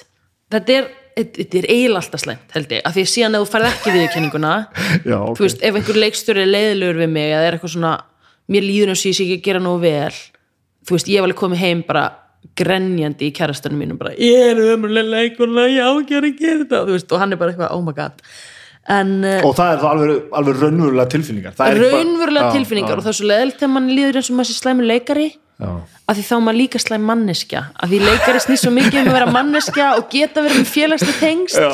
og þú veist ég held líka ég sé leikona til að sanna fyrir sjálfur í mér að ég hafi þú veist, geti mynda tengsl við fólk eða eitthvað svona, þú veist, að því ef ég læt fólk leifi fólki að gráta skilur ef fólk er að sjá eitthvað sem ég er partur af og, og það opnar fyrir eitthvað hjá fólki og það, þú veist, fellir tár eða, eða hlær, skilur þá veginn fæ ég svo mikið svona ah, þú veist, ég er hérna að miðla til fólks, þú veist, við erum saman í einhverju, við erum saman að upplifa einhverja tilfinningu, við erum að tengjast. Þú veist, það er líka einhver svona þrá eftir einhverju þannig, tengingu. Og þegar það slæri við falskan tón hjá manni og fólk er ekki, "Ú, ekki að tengja við þetta. Þá fær maður líka smá eitthvað svona, já, auðvitað. Já, já, ég er náttúrulega félagslega heft eða þú veist, bara eitthvað svona það fer svo mikið inn í manneskjuna manni, skilur það er ekki bara leikarinn, það er ekki bara vinnan bara, maður sé slæmur í vinni, maður er bara slæmur í persónulegum samskiptum skilur, eða þú veist, það er hugmyndin sem kemur upp sem er ekkert þannig, skilur en þetta er eitthvað sem bara leikarar en svo að finnst maður maður samt alveg sjá tvær tegundur af þessu hjá leikurum. Mér, mér, ég, líður stundum eins og sé, sé, sé, sé að sjá sko fullt af góða leikurum sem að sína mér aldrei inn fyrir á sér. En það virkar samt sko. Og svo eru sumi sem að rífa sig á hól sko og Já, eða sko sí, maður þarf að sína inn fyrir hjá karakternum og þá er það er alltaf partur af manni sjálfum maður Já. þarf að upplega kannski tilfinninguna Já, eða eitthvað líkt henni en maður má heldur ekki og þetta læri maður í listaháskólanum maður má ekki bara fara inn í sín eigin harm. Þú veist, ef ég var eitthvað hágrátandi á sviðinu þá er ég svolítið að taka frá áhörundum að þau megi gráta, veistu hvað ég við? já, já, ég tengi við þetta. Ef ég held aftur af mér eða er bara í aðstæðinum skilur já, þá má fólk fara inn í sinn eigin harm. Skilur hvað ég við? Já, og þetta hefur alltaf svolítið verið hjá mér sko. Ég, eins oft og ég er grátandi í alls konar dóti sko þá hérna og manni alltaf eftir þessu skilur að bara, þú veist það er miklu betra að, að gráta ekki heldur er í einhverjum aðstæðum þú veist, það sem fólk getur sett, sett sig í þar aðstæður og verið veist, leift fólkinu að áhörundum að fá svona katharsis moment, svona hreinsun. Já, til þess er leiklist. Já en svo ætla ég að segja annað með hann að punktin á þann. Ég sagði að tvent í þessu, Já. hvað var hinn punkturinn? Að láta það vinna með sér. Um, nei já, ég ætla að segja jú, getur hérna verið kannski með einhverja viðkynningu þörf en svo þarftu náttúrulega einmitt, eins og þú segir að, að, að finna þú getur ekki bara verið eitthvað, ég ætla að gera allt sem að fá, færi like. Maður þarf líka að gera eitthvað sem að maður uh, elskar, eða finnst gaman Já. og þú veist, þótt ég sé leikona þá er ég líki reykjagutætrum sem er frekar hötuð hljómsveit á Íslandi og þú veist, ég er samt ekkert hætt þú veist, Nei. þótt að það sé ókslega ljót komment og bara eitthvað hætti því þá er ég samt að því og ég smá svona mér finnst næstu því gott þú veist, að fá þessi ljótu komment og ég verð svona reið og ég bara, að fuck you, ég ætla að halda áfram skilur hvað við? En þú grætur ekki undan því eins og, eins og hérna eins og slæmu upplifunum á sviðinu. Veist, þannig er ekki að brjóta þessu niður. Kannski komin- vegna þess að ég með ef ég væri ein í því, þá var ég örgulega löngu hægt Já, já. en af því að við erum saman mjög góðar vinkonur um, þá næ ég einhvern veginn að díla við það. Og líka ég veit svo mikið og stundum gleymi ég því, stundum held ég bara ó já, við erum ömulegar og ég er ömuleg og ég ætti að auðvitað hætti þessu, eitthvað svona en svo man ég alltaf, þú veist, eftir því að þessi, þessi komment er í rauninni tilhæfulaus, þú veist, ef þetta væri ekki, þú veist, þetta er svo ótrúlega mikil karlremba í þessum kommentum. Um, þannig að það einhvern veginn svona diskreditar öll kommentin, þú veist, ég væri til í að fá bara almennilega gaggrinni, skilur Já. bara auðvitað myndi ég taka henni, skilur en það er rosalega erfitt að fá almennilega gaggrinni á Reykjavíkutætur því það er svo oft, þú veist fólk er ekki einu sinni meðvitað um skiluru kvennfyrirlinguna sem felst í gaggrinni oft, veistu hvað við? Já, ég held það. Og ég bara, ég bara, ég vildi að ég geti fengið eh, eitthvað almennilegt skilur en við þurftum svolítið bara svona að kenna okkur sjálfar og halda áfram peppa hver aðra og vera bara, hei við erum frábærar, við erum frábærar og verða betri, þú veist við vorum auðvitað ekkert góðar í byrjun en hérna og þú veist ég sé þetta út um allt skilur og það er ógslag leðilegt þegar þú veist stelpur taka sér saman og ákveða að gera eitthvað. Ég sé aðra stelpur gera eitthvað sem er geðveikt flott og ég sem listamaður sé þessar manneskjur eru að gera eitthvað flott. Svo sé ég eitthvað hræðileg komment á netinu skilur frá einhverjum Jóni og Palla sem búi í Vestmannegjum skilur og ég er bara eitthvað það megar ekki sens, þú veist, ég trúi þess ekki. Get ekki tekið þetta alvarlega. Sem búi í Vespari, mjög gott og erum með svona íslenska fánan í prófælmynd. Nú er ég ógislega leðilegu vestmanneginga, nei, þú veist, ég er bara að taka það veit- var einhver einn maður sem bjóði í vestmannegjum og sagðist verið í skóla lífsins og ég var bara, að, ég ætla ekki svona að lesa þetta komment, sko. Tökum hérna, segðu mér hans frá þessu að ég hjó eftir í ára, þú sagði þegar ég stopnaði Reykjavík já, já, hvað laumaði Já Er það þannig? Stopnaði þú þetta? já, ég og Kolfinna vinkona mín. Þú veist, en ok, það var, þetta var svona Nú veit ég hljóma sem sé að spyrja svo blaðamæður ég er í alveg að spyrja það því að ég veit ekki hvernig þetta byrja nákvæmlega. Nei, hérna, þetta byrjaði þannig þú veist, við tókum okkur ekki til og nú ætlum við að stopna rappband, sko, þetta var alls ekki þannig. En við svona getum kallað okkur stopnendur vegna þess að við ákváðum þegar ég var í listaháskólanum á fyrsta ári þá var ég alltaf að eitthvað að rappa með vinkonum minni Kolfinu. Bara eitthvað á djamminu, okkur fannst það ókslega gaman um að senda hvern annar eitthvað rappvídeó veist, og af okkur að rappa okkur fannst það fyndið og skemmtilegt. Eitthvað sem þú ert að semja sjálf þeirra sem semja sjálfar já, já, ekki bara eitthvað djúðlir í full eitthvað, eitthvað, já, bara svona eitthvað á staðnum bara spontant stöf já, já, ok, ég man sko, þetta var á sama tíma og ég var hérna uh, ég hafði unnið hann um sömar við að skipta á þessum rúmum hérna þá var ég líka rosalega mikið að hlusta á einhverja plötu uh, eftir Eminem og Roysta 5'9 og þar fekk ég svolítið áhuga á rappi ég var alltaf að skipta um á rúmum, hlusta á rapp eitthvað svona, millið þess sem ég var auðvitað að leika. Þú veist, að vera akkurat. En hérna já, það ég eitthvað svona áhuga á þessu og, og við vorum alltaf eitthvað að djama og leika okkur að þessu og svo komast við einhvern veginn að því að það var ókslega margar stelpur í kringum okkur sem fannst gæð gaman að rappa ok, og alltaf var þetta svona undir þeim formerkjum að þetta væri nú algjört grín og þetta var bara eitthvað svona svona flip feelingu já, svona þú veist freestyle út á reykingaporti skilur við ókslega skemmtilegt eitthvað. En, en, en þetta var svo merkilegt hvað voru margar stelpur í kringum okkur og það var engin við vissum ekki um neina sem var að þessu. Það var, ég ætla að taka það fram hérna, 7 og Alvia voru byrjaðar að rappa hana. En 7 er svona OG en hún hafði ekki gefið neitt út ógisla lengi og bara við vissum ekki af neinum. En það var rosalega mikið rapp í gangi og það var rosalega mikið kvennfyrirlitning líka í rappi. Þannig að það var aldrei svona okkur fannst aldrei eins og við mættum, ættum heima þarna. En við ákvæðum sérst að stopna svona rappkonu kvöld sem átti að vera bara svona safe space þannig sé, fyrir konur. Þetta átti að vera bara svona gott jam bara koma, rappa og þú veist, við værum kannski 20 stelpur allar að rappa, allar að horfa og gefum eitthvað svona feedback svona, og getum kannski orðið betri og... Sérst ekki með áhorundum nei, nei, nei, Já, nei, nei. er Bara, við, bara Ok, alveg ok, ok. lokaður event skilur við, svolítið eins og eitthvað svona ljóðalestra vinahópa Mhm. dót sko og hérna og bara gott að blessað og Kolfinna fer svona hóa í fullta stelpum til þess að koma sem hún hafði heyrt um að væri alltaf að þessu og eitthvað og stundum og líka einhver, einhverja stelpur sem voru að skrifa ljóð og svona og svo ringir hún í mig eitthvað tveimur dögum áður en að við höldum hennan event og segir eitthvað svona, heyrðu, hérna er svo margir vini mínir að hérna, sko kallkins vini mínir að spyrja hvort þeir megi koma og horfa? Og ég var að pæla hvort ég mætti ekki bara gera hennan Facebook event bara svona public. Og ég eitthvað, já, já, auðvitað algjörlega, einhverju þrý strákar, gjör svo vel. Og hún gerir eventin public og svo er bara allt í einu komið frétt um þetta. Og svo mæti ég tveim dögum senna Hvar- með hvar- mitt hvar þetta? var á kjallaranum á 11 Ok, einhver vinkon okkar var að vinna þar Á og hún reddaði því, já, hverjaskötunni sem er bara frekar lítið rými náttúrulega, en hérna ég mæti þarna með eitthvað blað með, með handskrifum texta um að ég drekki bjór og eitthvað, ég sé stór eða eitthvað. Og ég mæti og sko kjallarinn, kjallarinn er yfirfullur og það er fólk alveg upp stegan á kjallaranum og upp á efri hæðina á ellufinni og út úr dyrum þar. Ó, það er bara allt pakkað. Og ég bara what the fuck? Og það voru bara svona ógesla margir sem hefur áhuga á þessu.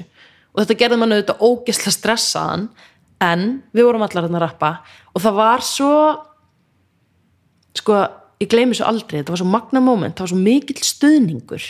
Þú veist, það komu allir þarna bara eitthvað, wow, ha, stelpur að rappa og þú veist, við vorum ógisla lélegar allar en það var svo mikill svona rár kraftur í þessu. Já. og fólk elskaði þetta. Og drulluðu ykkur allar upp á svið? Það var ekki koppað út bara Nei, nei, nei, við fórum allar upp á svið og sumar voru með, þú veist, beat, eitthvað svona YouTube beat, sumar ekki.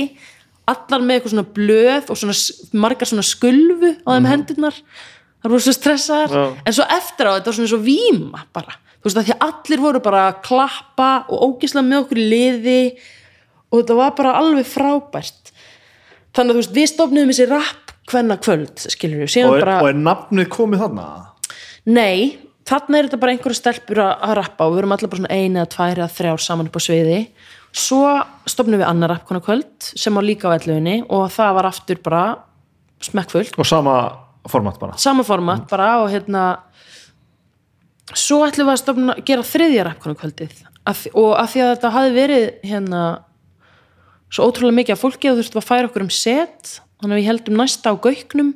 Og til að auglýsa það rappkona kvöld þá ákvaðum við að gefa út svona auglýsingu sem væri tónlistamindband sem væri bara svona til þess að sína hvern og einn rappara skilur við, þannig að allir átt að gera eitthvað svona eitthvað 16 bara vers yfir eitthvað beat og svo ætlaðu að taka upp tónlistamindband og bara þetta væri svona auglýsing.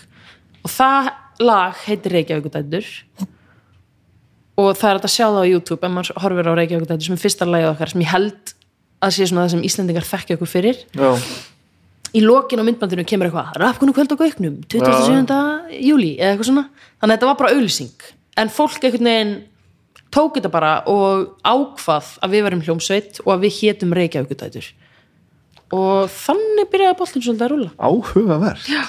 og við ákvæmum bara einhvern veginn að góið þitt og við fengum bara, þú veist, bóða á spil og fylgta hátíðum og þú veist, sem var geggjað en, en á sama tíma voru við við vorum mjög lélegi rapparar á þessum tíma og við Já. fengum rosa mikið að tækifærum til að spila og það gerði marga rappara rosa reyða Þú veist, já, í, ég get alveg sen, sagt- í senunni Já, Já. að við fengjum svona mikið pláss og ég man, þú veist, MC Gauti tvítaði eitthvað um okkur ef við vorum ömular og þá fóru allir veginn að hatast og en sko ástæðan fyrir að hann gerði þetta hann hefur sagt þetta sjálfur var bara, hann var í rauninni abbo. Þú veist, hann var búin að vera að vinna af því að vera í þessum bransa síðan hann var 13 ára.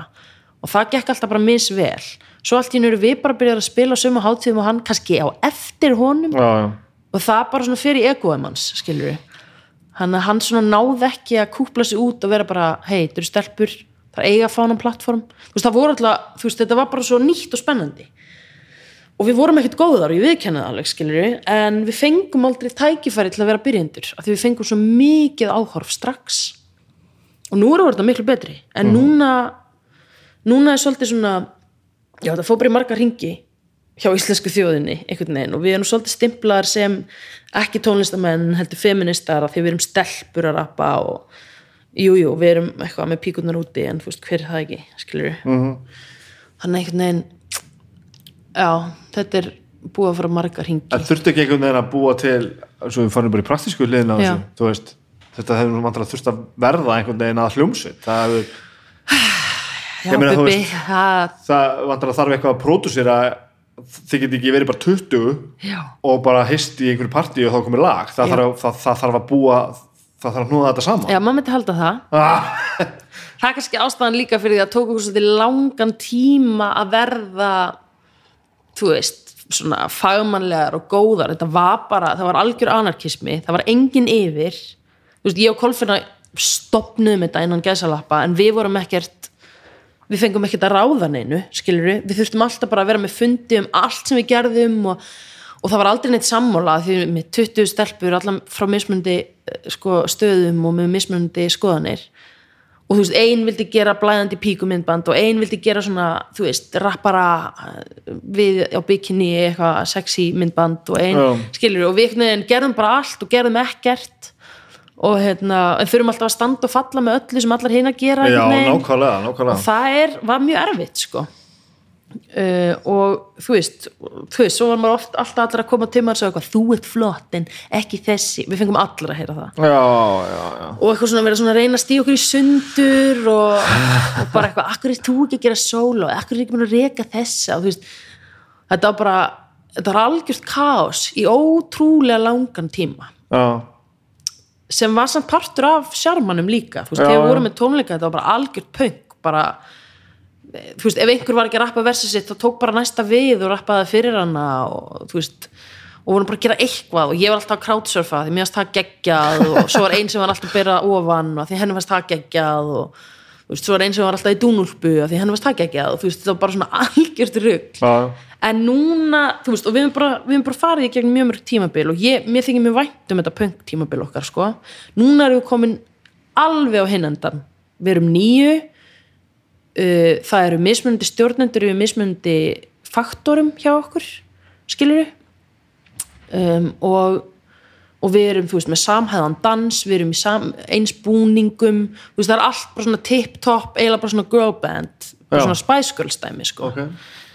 Þannig að, veist, við erum þar núna og hver veit hver við verðum eftir tvö ár, sko.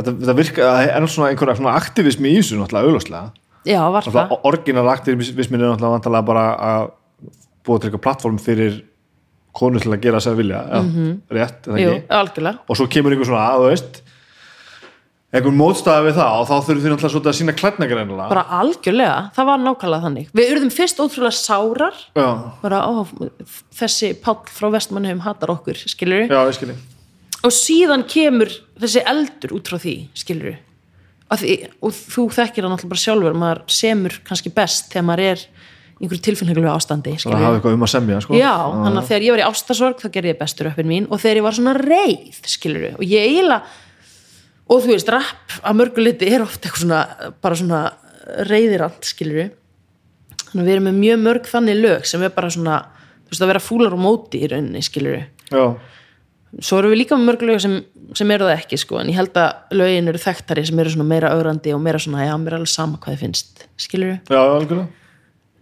En já, þannig að það var rosalega mikið þannig. Við vorum svolítið bara svona, þurftum að íta sko.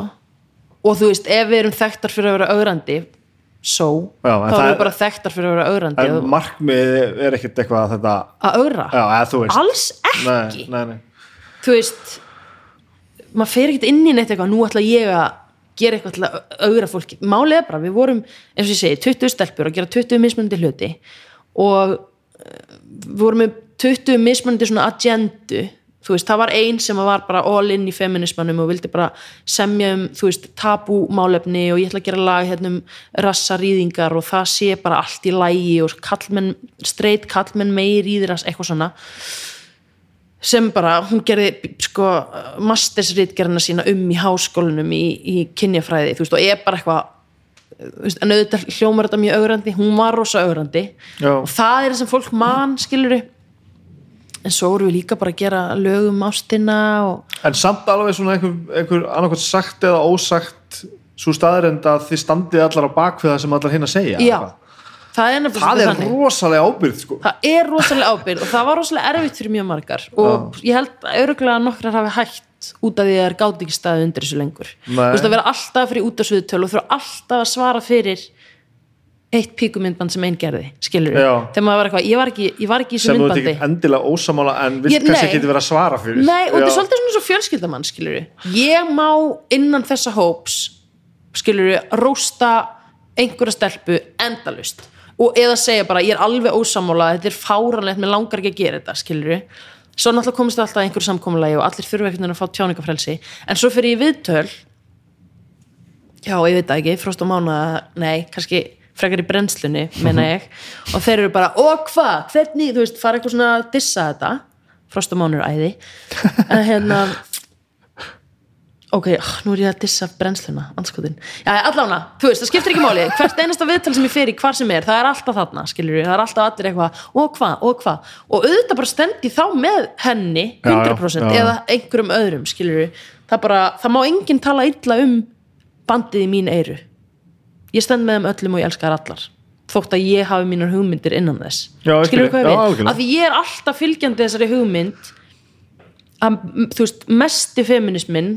sé bara fjölbreytileiki. Að við meðum bara allar vera eins og við viljum. Skilur Ég skil það. Uh, þótt ég viti að fólk mun alltaf stimpla okkur sem það sem að vekur mest áhrif. Já, já, já, já. Skilur, þetta er eins og bara pride skilur, það get þú veist, við erum komin lengra en það en á tímubili held fólk örgulega bara að allir sem væru homar væru dragdrottningar, veistu hvað ég við? Já, ég veit hvað og þegar því það er það sem að vekur áhuga og eftirtekt og það er það sem vekur einhver viðbröð hjá fólki. En það hlýtur nú samt að það þurft að vera eitthvert samkomun og eitthvað gædlan að það fari þá ekki eitthvað út sem einhver er bara algerlega ósamála bara hardcore ósamála eða var kannski struktúrin ekki nógu sterkur til þess að takast á við það? Þú veist við meira vorum í bara eitthvað þú mátt gera hérna sem þú vilt og setja það undir okkar nafn því þá fara miklu meiri views. Já, já, ég skilji. En þá má hún hérna líka gera nákvæmlega sem hún vill sem þú ert alveg Þannig að ósammála. þetta er svona einhver tegund af umburalindi kannski meira heldur en að vera sammála. Já, og stundum, þú veist, þegar við komum saman og erum að spila lögin okkar saman þá auðvitað þurftum við að vera sammála. Þú veist, um eins og við vorum, heldum ógstlega langan fund um búningana sem ættum að vera í á Airwaves sem voru svona skin tight búningar, sem var andsvar við að það var eitthvað kona sem gerir dóm um okkur sem var eitthvað svona, já, lögin er ekki það góð en það er alltaf allavega sætar og með í svona glitrandi fötum. Og við bara, mm, fuck you, þá verðum við bara allsbyrjar á sviði, skilur við Nákvæmlega. Þannig við vorum semi-allsberar sem var geggjað sko. En þú veist, þá, þá vorum við alltaf sammála en kannski af mismunandi ástæðum skilur við, Já, ég skil, ég skil það, ég, algjörlega. En það var mikið vinna og ég held ég við lært ótrúlega mikið af því þú veist, lært umburlindi og læra að vinna í hóp og, og þannig sko Og hvaða leið þér þetta svo? Hvernig verðið þið svo núna nýju og einhver svona struktúr á þessu? sko, þetta var náttúrulega opið fyrir öllum á tímabili við lokuðum hópnum á fyrir öllum máttu allir vera alla konur sem að vildu vera með í Reykjavík fengi að vera með í Reykjavík Vá, Yep. En málið er, sem er svo fyndið, vegna þess að samfélagið okkar er eins og það er, þá einhvern veginn þá er eins og konur þóri ekki, af því Reykjavík þetta stóð svo mikið fyrir bara, hei, þú ert léleg, skiptir ekki máli. já, það er samt, þú fær samt að vera með, skilur við, þú þarf bara að vilja rappa. Um, en mér líður eins og konur megi ekki gefa neitt út nema það sé freka fullkomið. Þú mátt ekki vera byrjandi, skilur við.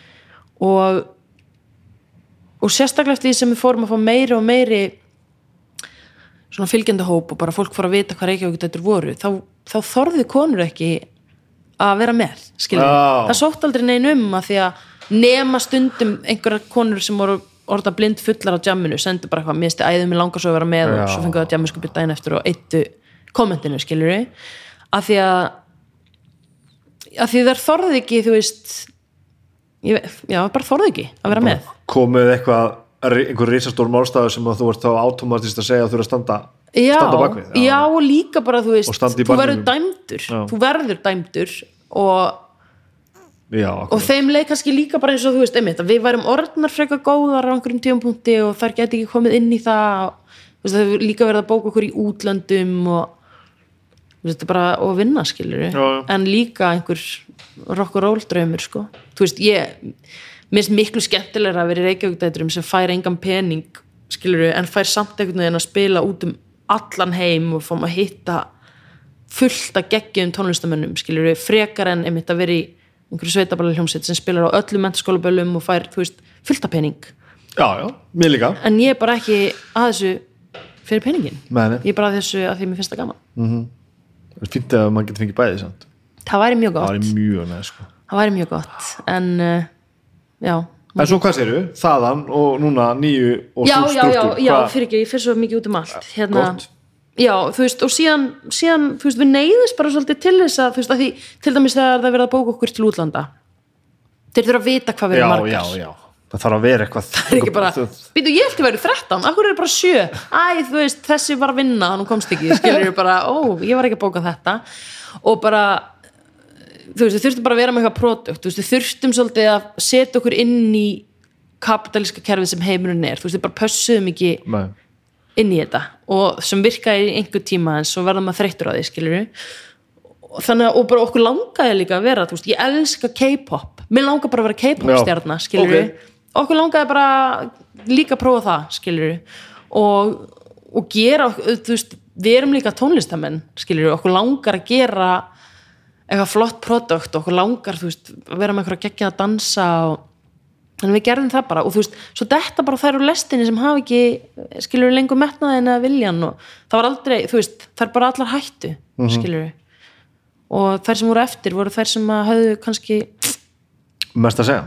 Já, mesta áhugan á Já, þessu, einmitt. þú veist, og margar fóru líka og gerðu bara sitt eigi, skilur við auðvitað er það líka og margar sem að byrja í Reykjavíkudætrum og, og fá þar eitthvað svona pínu confidence, pínu plattform og fara síðan þaðan og, og, og geta gert eitthvað sjálfar. Salkasól byrjaði í Reykjavíkudætrum til dæmis. Hvað heldur þessu margar konur sem að, að fara í gegn á, á einhverjum tímapunkti? Svona 35 örugla wow.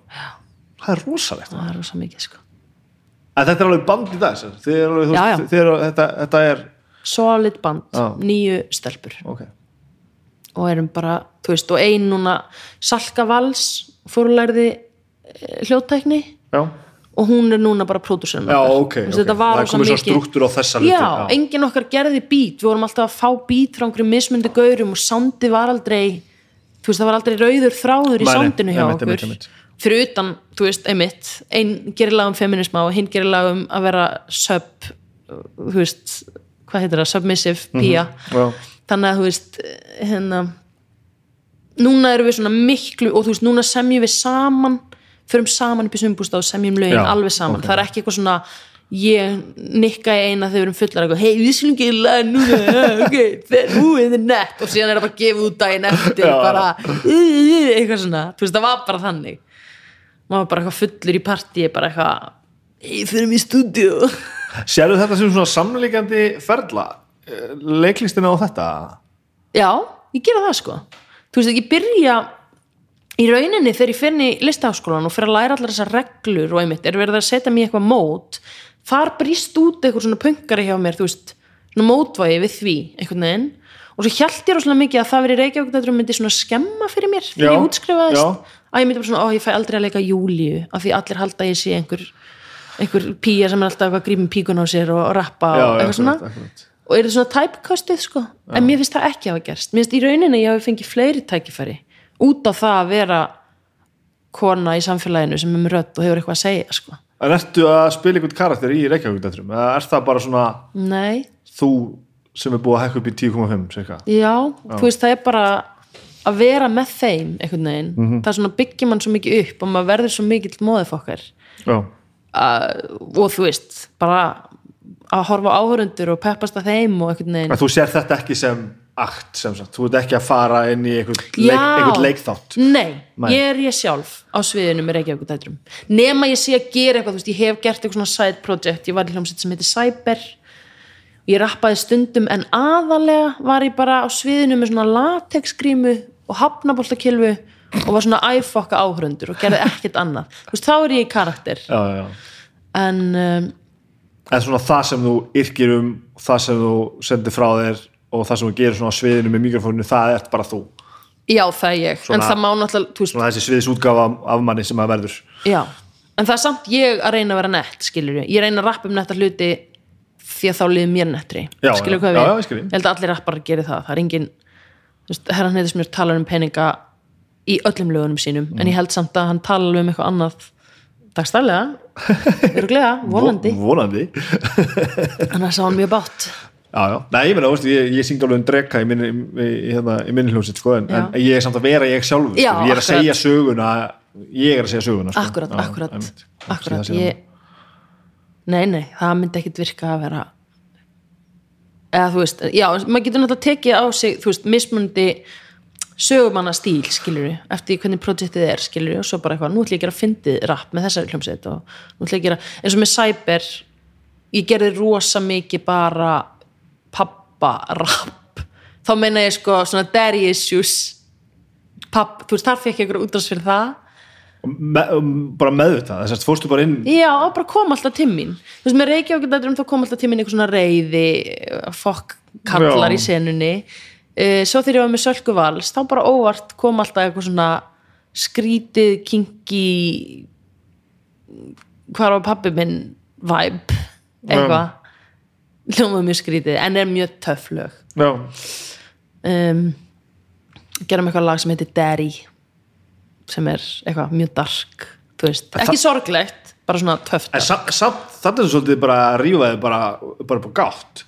Já, og algjörlega það er sko. ekkert smeyk við það, samt Af því að það er rosa Nei, af ég setja í hann búning skilur það er eitt að tala um hlutina bara reynt út það er annað að gera listaverk úr þeim skilur Já. þá ertu einhvern veginn að setja að því það er alltaf þessi hugmyndum, þú veist, einmitt, ekki gráta ekki sína þinn eigin harm til áhörenda, skilur við þú mátt byggja það á einhverju Mhm. Já. en þú ert alltaf að gera það til þess að aðrir tengi veistu hvað ég við? já. og ég var alltaf að hugsa um rap og, og reyndar leiklist líka þú veist, á þann hátt að ef ég er að segja eitthvað eða, þú veist, ef einhver manneski er að horfa á mig sem er í, í áhrandaskaranum og hugsar, oh my god, hún er að segja eitthvað sem ég hef alltaf hugsað en aldrei þórað að viðkenna eða segja en hún er að segja það hérna fyrir framann 500 manns þá er allt í lagi að ég sé svona, að ég sé að hugsa þetta en mér líði svona skilur hvað við? Já, ég held ég aldrei heyrt þetta sett, sett svona í orðum ég finnst þetta snilt, þetta, þetta með hérna hvernig þú ert að sko eiginlega blekja áhörundan til þess að hugsa um sína eigin tilfinningar. Já, einmitt. Þetta er svolítið magnað sko. Ef þú bara krista úr þínum eigin sárum einhvern veginn, Mhm. þá virkar það ekki. Þú verður að og, og mér líður svolítið eins og, eins og hérna að maður þurfi að, næstu því að blekja fólk til þess að, að fara að hugsa um sjálft sig sko. Já, já, já, að þú fer algjörlega. ekki í leikhús eða maður ekki á tónleika til þess að kynnast sjálfum þér, sko. Nefnilega ekki, sko, þú þarft alltaf að setja þig búning skilur eins og til dæmis já, og sama hvað það er það er til dæmis, Dóra Geirhars talaði tímann um, þú veist, ef hún er að gera farsa e, þú veist, plaggatið og allt dæmið, þú veist, er að laða að ótrúlega marga, því það er allir komin til að skemmta sér skilur svo setur hún alltaf aðeins kannski undir lokin eða einhver staðar þegar fólk er búið að hlæja og er alveg opið það þarf ekki að vera eitthvað svona sem lætu að gráta skilur en bara einhvern Mm. punkt sem fólk fer út með. En það er líka þegar maður upplifir þannig moment það er svo briljant Já, það er svo gaman. Að því þú veist auðvitað ég skil fólk, fólk ætlar ekki, þú veist það nennir ekki að fara á veist, það þarf svolítið svona mikinn viljastir til þess að ætla að fara á eitthvað þungt verk sem að leita mann skoða sjálfan sig og samfélagið skilur, fólk vil ofta bara skemmta sér. En auðvitað á maður alltaf sem listamæður að hafa eitthvað seg í öllu skilur og lefa fólki að upplifa eitthvað. Já nú erum við búin að fleita kettlingar á þessu daddy issue máli nokkuð sinnum, getur við farið að svona þetta Já, hvað viltu vita? ég er bara, veit ekki alveg að nákvæmlega um hvað erum að tala sko. Nei, nei, nei. Uh, pappi minn er, þú veist, mér finnst ekkert erfitt að tala um það. Ég vil bara segja það. Ég fór í viðtal um daginn þar sem ég segi alla söguna um pappa minn og, og svona, hérna, en hann bara, þú veist, var, hann er dáinn núna, hann dó á þessu ári, um, en hann var útigangsmaður sem sagt bara frá því mann eftir mér sko. Uh, hétt Jóhann Vísir Gunnarsson og var mjög frjór maður uh, og mjög skapandi en bara veikur. Hann var með bí- bípólar og, og alls konar eitthvað annað í gangi hjá honum. Uh, og bara einhvern veginn funkar aldrei í samfélaginu þannig að hann er já, bara róni skilur við á göttinni bjó senustu árin sín í gámi út á Granda. Og uh, þú veist, ég hef bara alltaf vitað á honum þannig skilur við og ég átti annan fóstupappa sem svona ól mig frekar upp sem var enda líka snarkað ykkur. En hérna uh, og þú veist, pappi minn bara skilur stundum komin í heimsókn alltaf unannounced, fór alltaf á klósettið í tvo klukkutíma og eitthvað.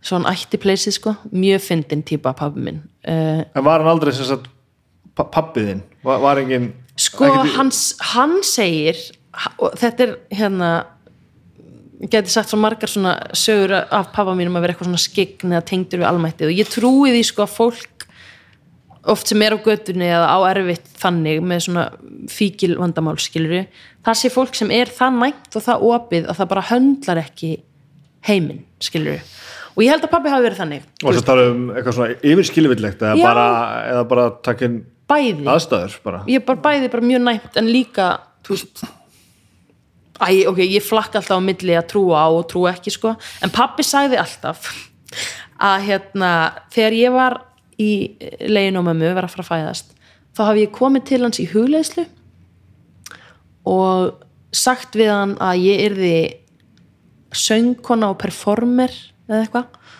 og e, bara eitthvað myndi verða e, flott listakona en hann þyrfti að vera hjá mér fyrstu árin fyrstu fjögur árin í lífi mínu af því annars myndi ég deyja úr einhverjum veikindum já já og hérna og hann bara eitthvað ok og hann segir að þetta sé ástæðan fyrir því að hann og mamma heldu saman sko fyrstu fjögur Þau árin voru saman sem sagt. þau voru saman já já, já.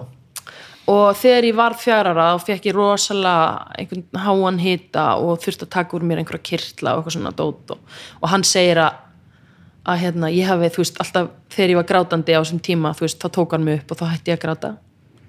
Svo uh, er ég ekki lengur með hita er hann góð og þau hætta saman.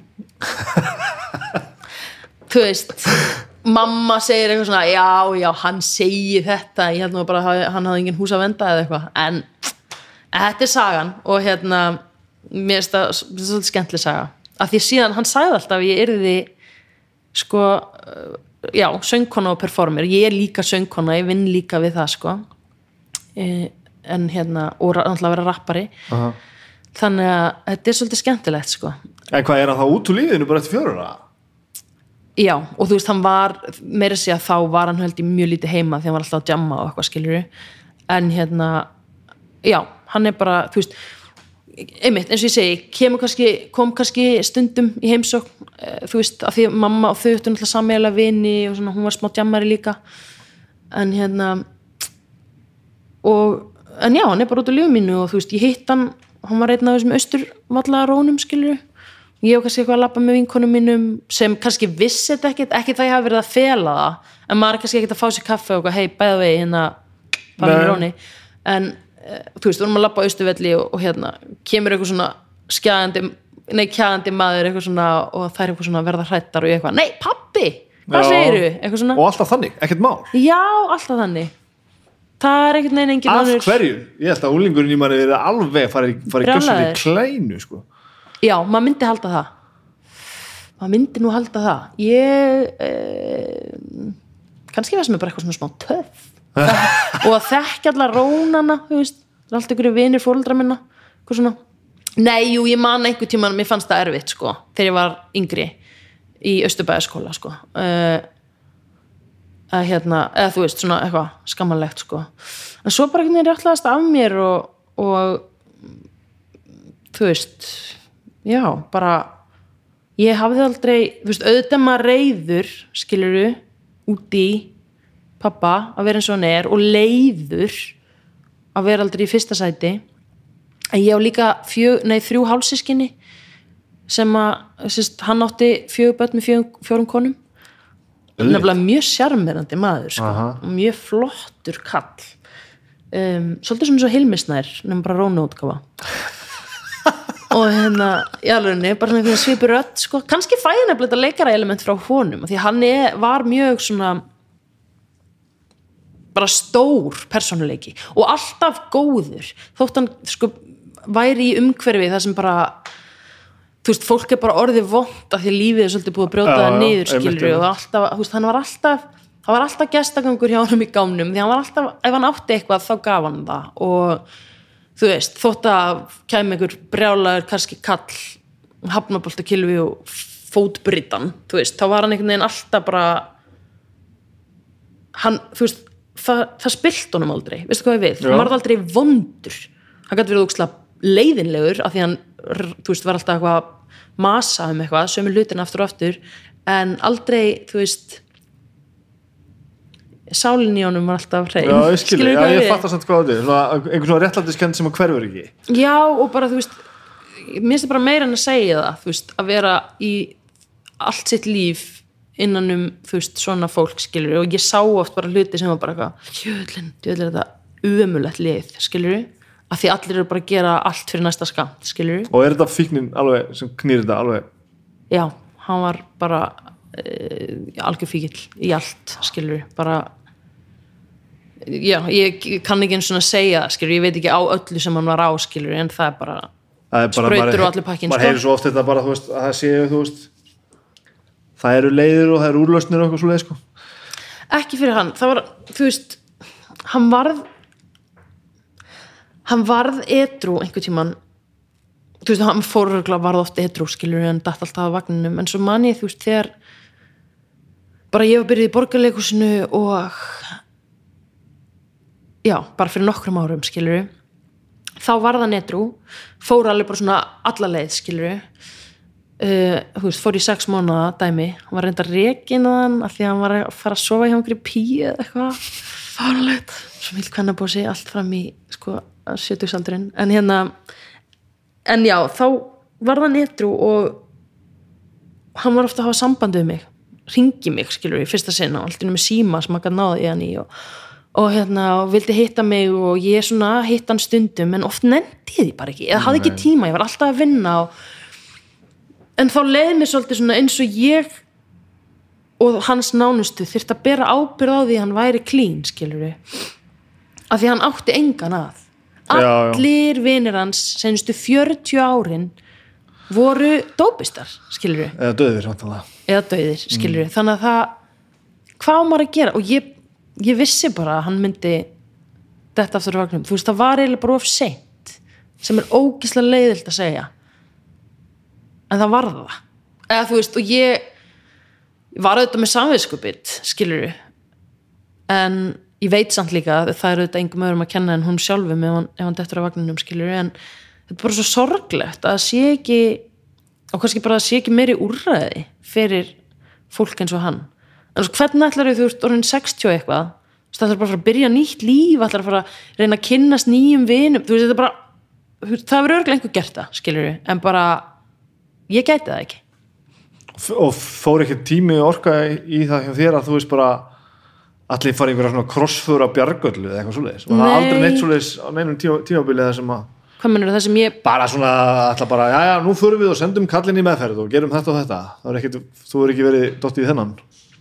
Nei, stóra sýsti mín Rakel, hún var meira þarna. Já. hún var meira svo sem svona tók á málum og sá svolítið oft um, þú veist hún bauð honum að vera hjá sér á jólunum og einhvern veginn og passaði, þú veist nei, það þú getur samt ekki, ég var meira svona yngstabatt skilur sem bara svona tók honum kannski meira eins og hann var og þú veist, fór oft í heimsókt en ég voru það, hérna, talsetja út á granda og svo leðinni heim, þá svona bankaði upp á veist, þegar ég var, var að labba framhjá skilur, já, Já. Þetta er ekki, er verið svona það mikil kvöð að þú hafi bara viljað sniðganga þetta nei. Nei, var það ekki, sko. Þú veist, þetta er svo svolítið skrítið að reyna að útskýra þetta, auðvitað er, þú veist, það eru alls konar tilfinningar einra með manni, en nei, ég gat ekki, af því, þú veist hann hefði aldrei fattað ef ég hefði verið eitthvað reið út í hann, skilur Nei.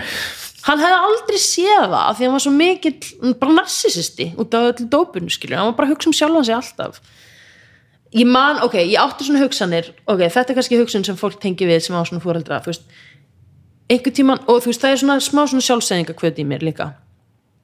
Ég minnst mjög gaman að djama mikið skilur og það er eitthvað svona partur af mér sem svona vonaði að einhver tíman myndi pappi mæti eitthvað svona ógisli dróna partí og ég væri þar með sprautu bara áfengistöð og þá myndi hann kannski sjá að sér. Eða Já, þú veist bara eitthvað svona hm, hún er í mínu kráti ég, þetta er mér að eitthvað svona, þetta er eitthvað svona alveg aftast í hausnum á manni, skilur, þetta er fáranlega hugsun skilur en uh, uh, ég samt aktaði aldrei á því, þú veist. Ég bara hef alltaf verið með eitthvað svona eitthvað innra dræf sem er bara eitthvað ekki vera fóreldraðinir og þú veist, mér langar bara í á geðvögt stabilt líf. Ég Og er með mjög heilbriðan kærista ha, mamma er alveg í þessu líka hverju, já hún er líka hún er líka í rugli sko. Eða þú veist minna og ég ólst upp hjá henni og ég elska hana og, og allt það sko en, en ég átti ekkit venjulegt uppeldi. Já, það er bara þannig. Já. já, en þess vegna er ég svona í öfgum. Öfugt við þig, þá er ég bara mér langar bara allt sér IKEA og bara ég á kött og mann og bíl og eða þú veist, þú átti þetta allt líka en skilur þú veist, mér langar að vera hvað ég, við? ég egnaðist þetta sko fyrir tveimur árum síðan sko. Og, og soldi bara að því að ég var bara alltaf komið börn og eitthvað og svo leið mér pínu því að ég var veginn Já. að ég var svo mikið búið með allt hitt sko. ég var búin að sofa bara dýna á gólfinu bara endalöst og, og mér er alveg saman hvort ég átti bíl eða ekki og hvort ég skulda eitthvað penning í banka eða eitthvað, ég svona, kom bara tímapunkti á mig það sem ég bara svona þarf ég ekki að fara að gera bara eitthvað nýtt Einmitt. og guð ég vona ég fara ekki þanga þegar ég er fara allt er hina bara eitthvað herðu shit. Af því að það er alltaf partur af manni þú veist, ég er líka með þetta element frá fóreldrum mínum. Þú veist, mér langar ógeðslega oft bara fuck everything og bara skilur, ég veit það ekki flytja til Mexiko og bara lifa á engu, eða skilur eitthvað, en fannstu fyrir þessu í uppeldinu að þetta væri skrítið? Þú veist, já, já. Já, já, já, já, já. Það er alveg e, þú veist já, en ég var alltaf einhvern veginn sko, ég, þú veist, mamma mín saði ekkert um að við mig eitthvað svona þegar ég var lítil ég man ekki eftir þessu, en hún hefur sagt mér þetta. Þú veist, hún sagði eitthvað svona ekki verða eins og ég og pappiðin, eitthvað svona. Og ég hef alltaf sóst í eitthvað svona, ég man bara alveg, þú veist, frá byrjun þegar ég var bara í fyrsta bekk. Vinkorur mínar voru alltaf stelpur sem að þú veist, foreldræðar voru ekki skilin og bara svona áttu svona voru úr hvað heilbriðistu fjölskyldunum skilur ég sótti ekki krakkana sem að voru brotin, skilur eða börn vina fóreldra minna. Þú veist, ég var einhvern veginn ég var á einhver annar í vegferð skilur ég ætlaði bara út úr þessu, skilur og hver, meina, hver farið stuðningin í það? Er örgulega frá afa mínum og lettu. Eða þú veist, ok, nei, veist, ég vil samt ekki vera að tala sitt um mömmina, mamma mín er æði sko. Og bara gaf mér ást alla ást sem ég þurfti. Um, en afi minn og letta, þau voru rosa mikið í mínu lífi, letta kona afa míns. Og hérna þú veist, að mörguleiti ólum upp og stuttum í öllu og þú veist og meiri, ég- meiri struktúr þar sem sagt á hlutum. Já, já, já, algjörlega. Og þú veist, bara þegar ég var eitthvað ekki að nenn að mæti skólan í mentaskóla, þú veist, í mentaskóla þá var afi minn að skuttla mér í skólan af því ég mista stræt og svo alltaf yfir mig og var bara algjör haugur einhvern veginn. Svo allt í einu einhvern tíman þá hef ég náð einhvern veginn einhverju, einhverju svona sjálfstæði. Og ekki- bara því ég fór í listaháskólan já, þá allt í einu fór ég bara eitthvað að taka mig á. Eða skilur hvað ég við, ég hef alltaf verið á einhverju vegferð en ég hef samt líka alveg verið heldur þú hafa reykt því að vera tæp að að fara bara út af finnum minn? Þú veist, örgulega kannski mentaskóla ég var alltaf að reykja gras og eitthvað. Mm. en nú er þetta ekki bara neslumál sko. Stundum er maður bara já, nei, kannski samt þá ekki. Þú veist, eða, veist það reykja gras er ekki neitt skilur ég bara, nei, í raunin ekki. Nei. í raunin ekki. Og eru Ég- aldrei liðið þannig eins og þurftir eitthvað svona nei, nei, nei, nú þarf ég að taka í taumana. Það verður aldrei komið svoleiðis moment eitthvað. Nei. nei, ekki ennþá. Nei, nei, þú veist en nei, nei, það var aldrei, aldrei verið þannig sko. og ég hef alltaf bara, þú veist, ég verið svo veist, eins mikið og ég er eitthvað "Ugh, það er allir leiðilegir, akkur er enginn að jamma? Akkur er ekki rock og roll í listháskólanum þú veist, þá hef ég samt aldrei verið með kráti. Þú veist, það er auðvitað hægt að fara og vera með einhverju slæmu kráti. Af einhverjum ástæðum hef ég bara alltaf verið í kringum og tróla gott fólk mm. skilur sem var ekkert að gera allt og slæma hluti. Þannig að ég er bara mjög heppin í rauninni já, með það, en svona í dag þú veist eins og bara, nú, þekki manni nú bara ekki neitt held ég. Nei, eh, hann virkar á mann mjög svona þið já, já, hann er það. er hann svona eins og hann lítur útröður hvað er svona kassalega Nei, ég myndi ekki, ekki, ekki, segja, ekki segja kassalega Nei, ok. en, svona hérna kassalega það er að er bara alltaf svona vel snirtur og já, það er ekki orðið sem ég myndi notið hérna samt. En hann virkar á mann svona já, ég skal vinna úr þessum aðstæðum. Já, hann er rosalegur svona problem solver og, og framkvæmdaglæður sko. Og hann er svona mikið í er leiðtogi sko. Hann er þú veist yfir Improv Ísland og svona stjórnandi þar sko. Já, hann er bara gett pottjættur en líka ógisla fyndinn og skemmtilegur og mikill listamæður og alls ekki kassalaga nei, en, en ég bara, ég myndi segja Gummi væri uh, mjög heilbriður sko. Og hvað gerist þá þegar þú varpar handsprengjunum inn á golf hjá ykkur? Hann tekur því alltaf. Þú veist, stundum, það tók mig fimm ára að segja honum eitthvað frá einhverju sem ég einhverju skömm sem ég hef burðast með, eitthvað svona sem bara eitthvað fáralegt skilru en ég, eh, sem, þú veist og hann bara hlær og tekur utan um mig skilru, eh, en það er mjög pyrrandi samt, að ég er alltaf eitthvað svona hei, hvað skammastu þín mest fyrir, hei, hvað er svona erfiðasta minningin, hvenær grestu síðast? Ég er alltaf að pæla einhver svona og ég er alltaf að segja eitthvað nýtt og nýtt og nýtt og nýtt og, og þú veist, pappi kannski að koma í heimsókn og vera fullur og gummi eitthvað, "Ó, veit ekki hvernig hann að ráða þetta. Og svo bara einhvern veginn er gummi aldrei með neitt tilbaka og ég held alltaf að væri bara því að hann var að fel eitthvað það er bara ekkert. Eða þú veist, ok. Eða skilur við það sem það er að er svo lítið. Að ég er eitthvað mér finnst eins og ég sé að tala illum mann nei, bara þú veist, æ, skilur hvað er við? Hann bara eitthvað, já, já, nei, nei ég skammast mér svo ekki fyrir neitt, en svo er þetta náttúrulega oft ekki málinn sjálf heldur hvernig mann líður gagvart þeim. Já, þetta snýst ekkit alltaf um hvort að, hvort að ég hef innan allar gæðsala bara lent í meira að minna heldur en einhver annar. Nei. Heldur miklu meira hvernig maður upplifur þetta sjálf 100% 100% það er ekkert að segja eitthvað og pappi maður sé fíkill að maður sé eitthvað verðsettur heldur en þú veist, einhver pappi sem kannski bara vinnur á mikið, skilur við það getur verið, akkurat sko. eða eitthvað annað þú veist, maður getur verið bara útsettur fyrir einhverju og fólki sem að hitti sem að þú veist oft náttúrulega kannski lendi í einhverju sem að er jafnvel ekkert svo stórvæðilegt en litar allt sem á eftir Nefnilega. kemur sko. og það er enginn að segja ég, þú veist eh, þú veist, mér finnst ekkert ég get ekkert sagt eitthvað svona já, ég kom úr erfiðum aðstæðum, erfiðar en aðrir og ég er búin að vinna því, bla bla bla það er bara, þú veist, allir díla við eitthvað, skilur og það er engin það er engin sterkar en einhver annar af því að hann kemur, kemur er heilbriðari þegar hann er fullorinn eða skilur hvað ég við, alveg sko. maður alveg. veit aldrei ég er ótrúlega skemmtilega pælingu hérna þetta við kynferðisbrot af því að það er við erum búin að tala svo lengi um það hvað þessu há alvarleg sem það sjálfsögðu eru Mhm. en við erum búin að tala svo mikið um það svo lengi Já.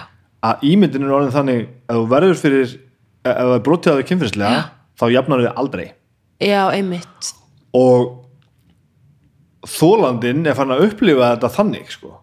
já, meinar Þann- þannig að þú ert farin að upplifa þig sem bara einhverja, einhverja skemmta mannesku og það sé ekki hægt að vinna sig út úr því er það samt? nei, en við verðum svolítið að passa okkur fattar þau? Ég held uh, já sko já, já, ég veit nú ekki með það ég myndi frekar halda að samfélagið myndi þá stimpla, mögulega það, já. veist, en jú, kannski hefur það þá áhrif, auðvitað hefur það einhver áhrif á upplifun þólandans en það er einmitt það, þú getur ekki sett dóm á skiluru, ef einhver upplifir eitthvað einhvern veginn og svo heyriru aðstæðunar þú veist, þú getur ekki lagt mat á það hvernig þetta var í raun og veru og þú varst ekki að hana, veistu hvað við? Ég held að, ég meina í Me Too ótrúlega margar konur sem hafa orðið fyrir kynferðisbrotum.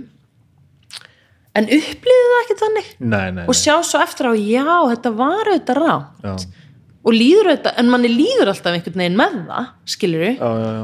en en þú veist, margt er bara eitthvað svona normaliserað og maður er eitthvað, já, já, skilur veist, já, já, ég er klippin í rassinni hérna. já, já, auðvitað finnst mér að síðan þeir fatta bara eitthvað svona, hei, það var ekki rétt þetta er vannverðing það er ekkert meiri en það. Nei, það er veist, konur í MeToo komu fram og sögðu bara, veist, það hefur gert þetta við mig, þetta við mig, þetta við mig, það eru bara komaðan til að segja þetta var ránt, mm skilur. En það er ekki fólk þar með á að sagt- svara til saka en það er ekki eins og þeir séu eitthvað orðin að traumatísera það allt í einu emitt, emitt, emitt, veistu hvað við? Alveg, en sko. mér finnst ekki eins og, eins og fólk sé að leggja það alltaf saman skilur Nei. sumir eru traumatiserið, sumir eru bara að segja heyrðu, þetta var rátt mm. -hmm. halda sem tala frá mér í lífið og jafnvel tala við þessa manneskjur skilur og bara fá fyrirgefa skilur Já, ég við og mér er bara samfélag, veist, ég það var mjög margt sem að er svona á gráu svæði sem að eh, ég hef þú veist, lendi í kringum einhvern veginn kannski leiklistina, þú veist. En uh, og svo er það bara mismunandi. Ég svo er maður bara allir með mjög mismunandi, þú veist, ég er eitthvað svona svolítið markalaus held ég. Og þá er ég, æ, ég ég veit ekki. Ég var eitthvað mann í pröfu, pröfu fyrir ráðherran og hérna var að leika móti eh, einu manni, við áttum að leika svona svolítið intimate senu og hérna og leikstjórnir voru þetta bara mjög hérna góðið með það, þau voru eitthvað heyrið, bara en segja þú veist, tölum aðeins um þetta hérna uh, er eitthvað sem, finnst ykkur þetta óþægilegt? Viljið ekki gera senna svona? Ef að sleppa því að snertast, eitthvað svona. Ég var bara, mér er alls sama, ég er til í allt. Eitthvað neginn, þannig er ég bara. Já, og ég held sko að þau væru bara að spurja mig að því ég er kona. Já, já en þá sagði mótleikari minn mér finnst þetta óþægilegt. Og hann var eldri leikari en ég og bara kallmaður og ég eitthvað, já, auðvitað. Ég hef aldrei pælt í því. Og þú veist, og þá leikum við bara senna þannig skilur ég að við gátum en gleymið því nú ekki að allt þetta MeToo-mál er einmitt að gera þessa hluti líka sko. sem er frábært, það, er, það er fullkomlega frábært. Þetta tegir sér svo miklu lengra sko. akkurat. Já, mér varst þetta mjög þetta var svona smá lærdomsríkt fyrir mig bara já, einmitt, ég man ekki akkur ég fór að tala um þetta. Ég var með eitthvað, ég var að tala um þetta Guð hvað ég fer út um allt hérna. Hvernig hérna fer þetta svo með sambandinu við pappaðin? Já, uh, já, það er alltaf bara svona, þú veist. það er bara svona? Já, ég kíkja stundum á hann unannounced, hann kíkja stundum á mig unannounced uh, og svo verður hann veikur fær ristilkrabba minn og hérna vissi lengi hann var með það skilur, var í tvö ár bara eitthvað. Ég er alltaf með eitthvað, en þú veist en gatt aldrei verið edru til þess að fara í aðgerð. Uh, fór síðan loksins í aðgerð og þú veist, þá er þetta bara orðið það slæmt að bara hann á ekki mikið eftir. Eða hann, nei, það var nú ekki þannig. Hann ætlaði að fara í sko geislameðferð og ætlaði að segrast á þessu en þótt þetta væri svolítið alvarlegt. Og til þess að gera það, þá þarf hann að vera edru og hann skræði sér bara nú geðdeild í staðan fyrir að fara á vóg og var bara þar lengi, lengi, lengi Edru þá? Edru, held sér edru með því að vera í svona sjálfskeipuðu fangelsi svolítið. Og við heimsóttum hann sískininn á, á geðdildina og, og það var eiginlega svolítið frábært að fá að því þannig er hann edru. Og við svona fáum svolítið að kynast honum upp á nýtt skilur við, við fáum að eiga þessi senustu moment með honum þar sem hann er bara clean og við erum bara svolítið svona þú veist, ómeðvita að gera upp hluti. Við erum ekkert að tala um neina hluti þannig en við erum bara svona eiga stundir með honum þar sem við vitum að hann er skilur ekki á neinu og hérna já, það var bara æðislegt sko, hann er svo ótrúlega fyndin kall. Og hérna og ég kom með gumma og við heimsóttum hann og þarna var ég með orðin ólétt sko. Og e, sa, hann ekki frá því en einhvern veginn komum við inn og hann var sérst, bara daginn sem ég komst að ég veri ólétt þá hérna komum við heimsók til hans og hann er að mála mynd af konu með barn og brjósti. Og þegar við löpum inn þá segir hann þannig er þú að strákurinn. Bent á myndina. Og við bara ha? Og svo bara fór hann að tala um eitthvað annað skilur við og hérna sem frekar magnað, svo var þetta strákur sko. En hérna en já, þannig að það var ótrúlega gott. Og síðan daginn sem hann á að fara sko, þá að flytja hann af kæðdeild og hann á að fara í eitthvað svona halfway house og síðan hann, er hann í, á að fara að byrja í svona lifi, nei, geisla meðferð og, og þannig dótt ég manna var svolítið stressandi af því að við vissum öll bara um leiðan er komin í eitthvað frelsi þetta er hann á vagninum og að muni ekki mæta í meðferðina og þetta mun bara allt verða einskilur það var svolítið, þú veist, stressandi að það myndi gerast en nóttina ára á að flytja hann þá fær hann eitthvað drep sem bara gerist rosalega hratt allt í einu. Og það bara ringdi okkur í morgunin og þetta er daginn sem ég er að fara í sónar fyrsta sónar. Alveg allt á sama tíma ótrúlega magnað og skríti og það bara ringdi okkur og sagt bara þið þurfum að koma á kveðjan og við fyrir með bráðamóttöku og þar er hann bara það verða honum í honum lífinu skilur en hann er bara sofandi. Eða þú veist bara verða að dæli hann einhverjum verkefliðum og eitthvað sitt.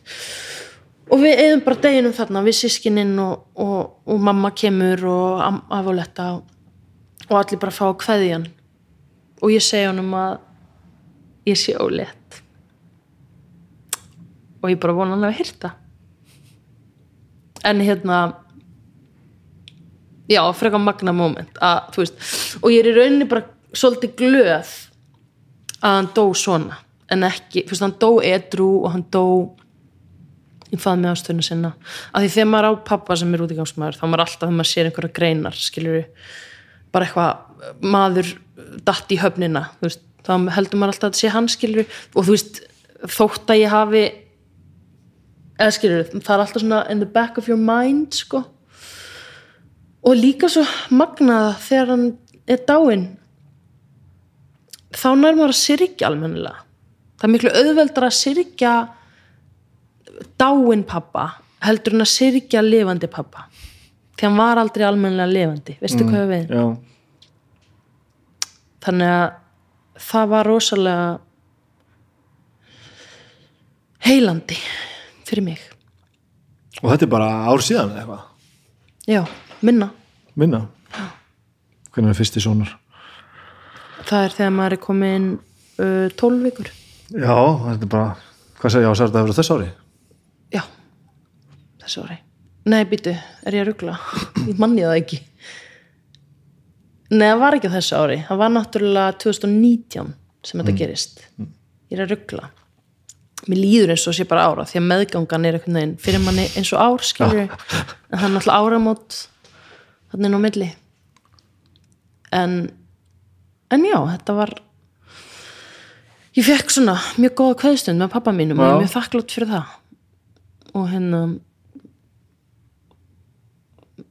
þú veist, já og þetta, þú veist en þá er reyðutján fyrir fullt af hlutum skilur en svona er þetta bara. Já. Og hvernig svo eiga bann það er bara magnað það er bara gaman og líka erfitt skilur einhvern veginn. Það er að því út af þessum mammisku buði stundum. Já, þetta fléttast ekkert þetta er rosalegt, þetta feitar rosalega saman. Ég veit það, það er svo magnað. Það er svona eins og að hafa verið að segja mér þú veist, ég fór í sko, viðtal bara um þetta eins og þess að sögu. Og nýr ekki að rekja hana í smáatriðum en það er samt eins og hérna, það hafi verið að að því ég er ógislega hrætt við dauðan og ég horfði á pappa minn síðan degja, þú veist, það bara tekið úr um slöngurnar og við bara fylgjust með bara, þú veist, blóðinu fara úr höndunum á honum, skiljur og, en sem er ógeðslega skrítið en fallegt.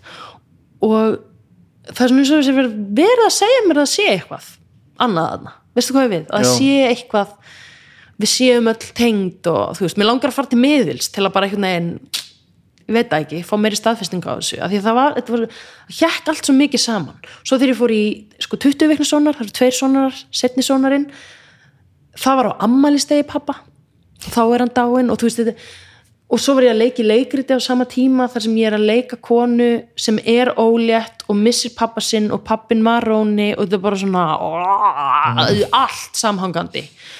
Og hérna já, þannig að ógeðslega skrítið og magnað og bara eitthvað svona er þetta tilviljun, ég veit það ekki. Það er svo ótrúlega mikið. En ertu svona þengjandi, ertu alveg til í að að að- að taka þetta eins og möguleika að svona, svona geta hangið saman? Ég veist, mér langar það þetta mér langar að trúa að sé eitthvað meira. Og þú veist ég er líka alveg áhuga á svona dóti sko alls konar dóti, tarot, göldrum stjórninsbá, eitthvað svona. Um, gummi er sko ekki þar hann, hérna, hann lita mig stundum. Stundum verið svona kaltaðin á þetta sko. En, en ég bara, já, þetta langar ekki alla að sé eitthvað annað.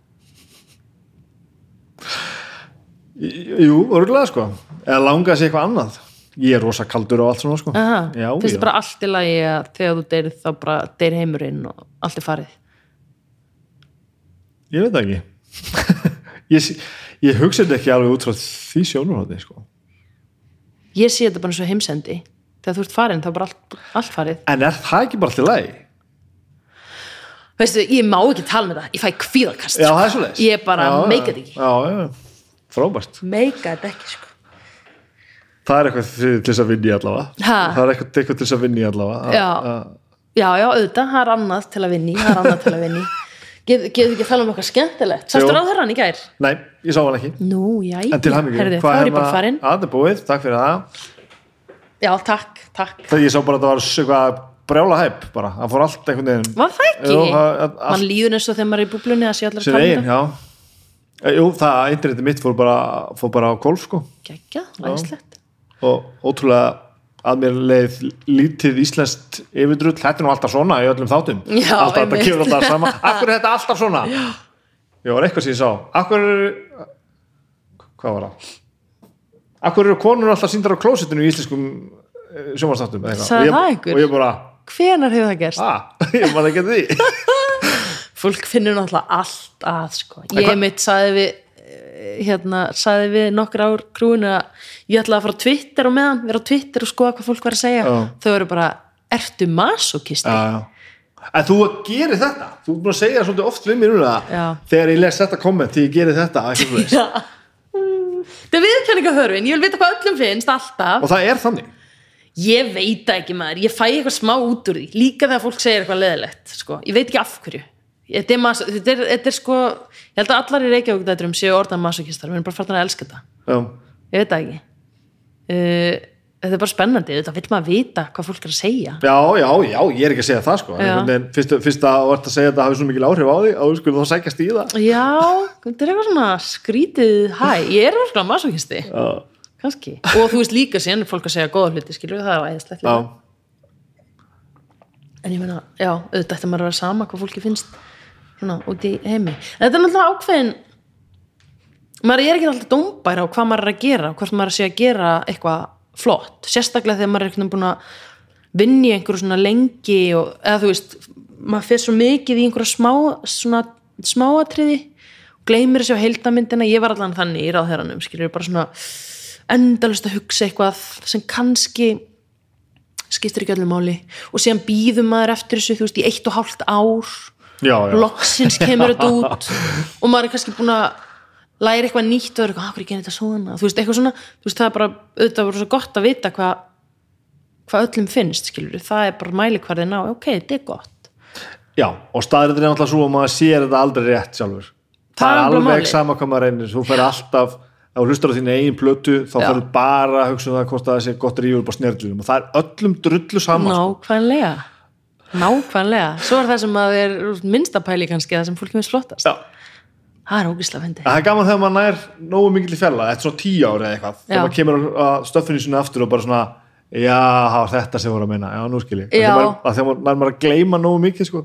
algjörlega, Það er mjög gott. ég þól ekki þegar sko, ef ég er að leiki einhverju þetta er að erfiða, sko, það sem er gott við leikhúsið þú veist, þetta er bara að gerast allir eru að sjá þetta á meðan þú ert að gera þetta sko.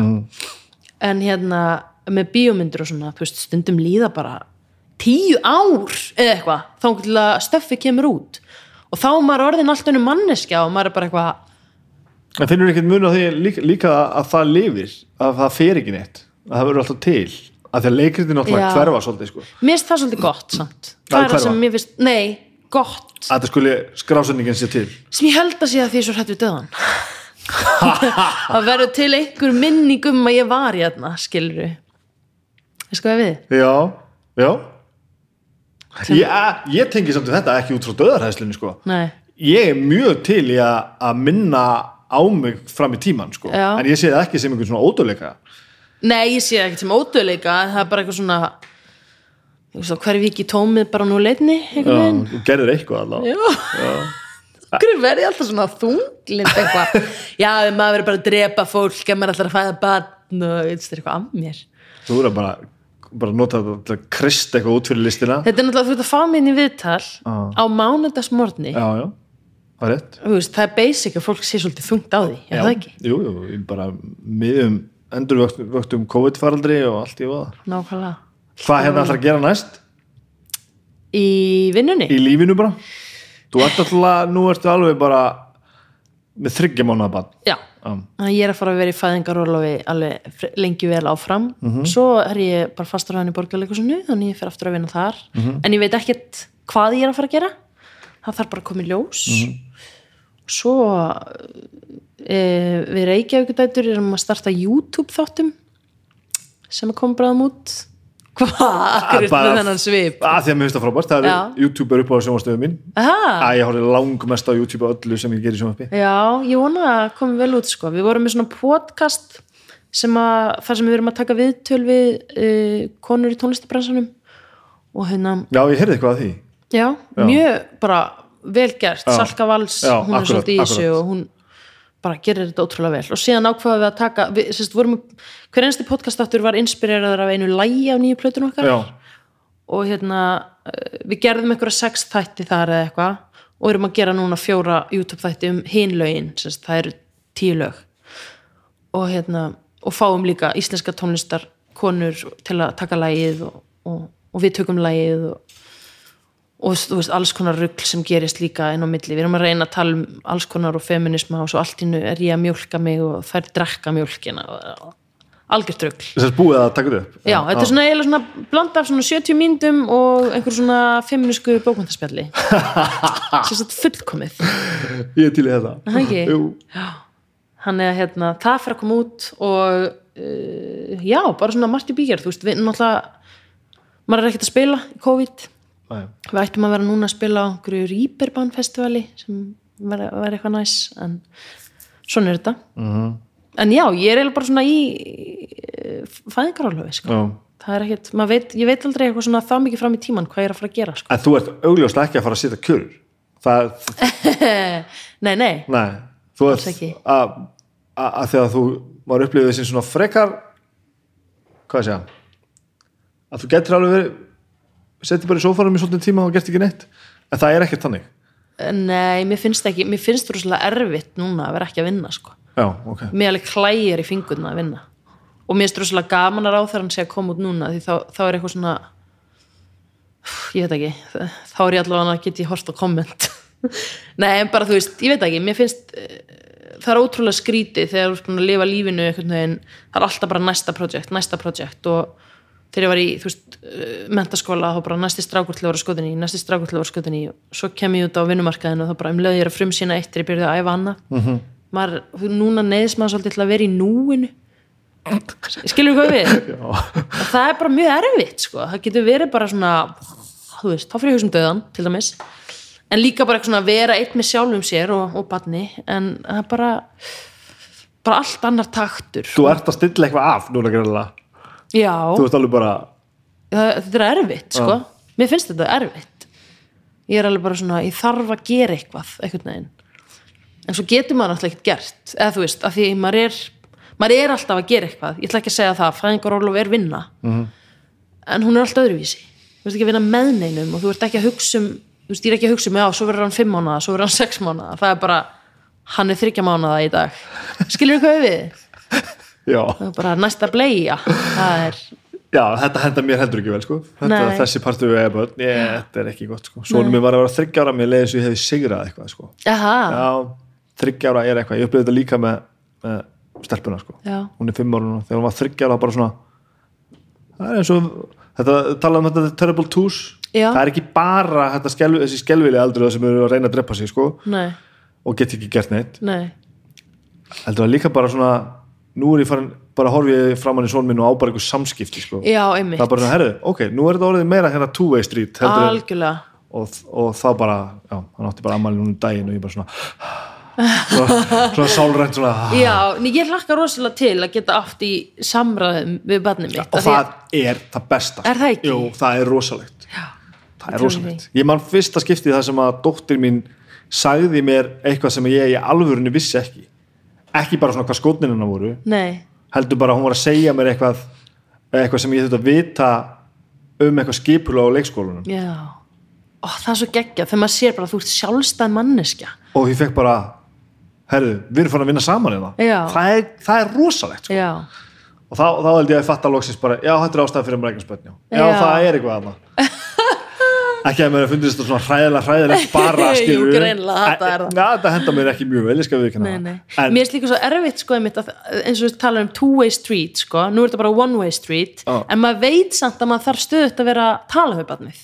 Já, og mér, ég bara ég þarf alltaf að vera að minna mig á það og ég bara svona ég er eins og einhver geðveik kona, bara nú ætla ég að taka úr sokkunum og nú ætla ég, og ég byrja alltaf bara að syngja í staðan fyrir að tala, minnst mm. auðveldar ég syng allt við hann -hmm. og bý til einhver lög um, kúkalög og kúkur eða piss, kúkur eða piss eitthvað svona og hérna, af því ég einhvern veginn, mér finnst svo skrítið að, tala bara út í tómið þú veist, einhvern veginn ég bjóð mig til að vinnuröglu allt sem ég geri fyrir börni mín mm. geri ég fyrir mig mm.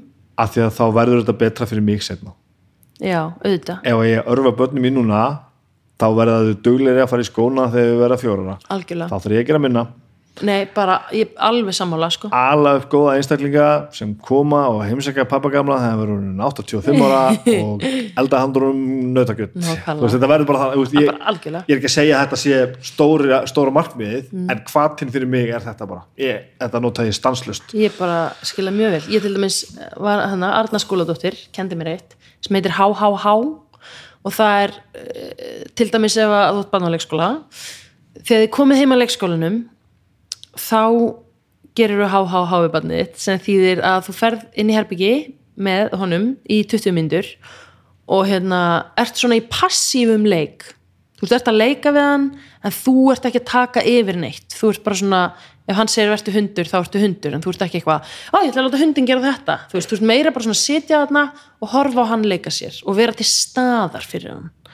Og ef þú gerir þetta 20 myndur, 3 ára viku að mesta kosti þá uh, í rauninni sko, þarf hann minna á þér að halda yfir daginn, sefur betur og allt svona af því hann einhvern veginn veit hann á bakland.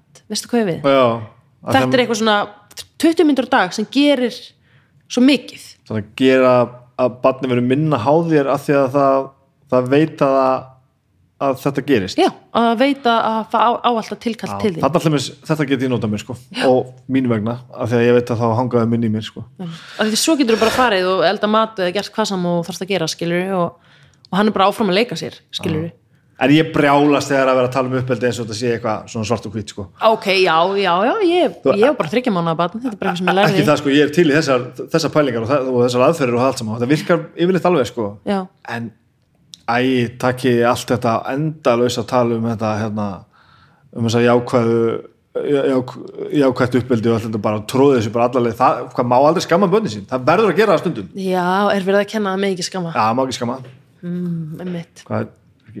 skamma ég les einhvers staðar að maður, maður mætti ætti að skamma Ah. en, en, en líka segja þú veist bara skammastu þín en ég elska þig.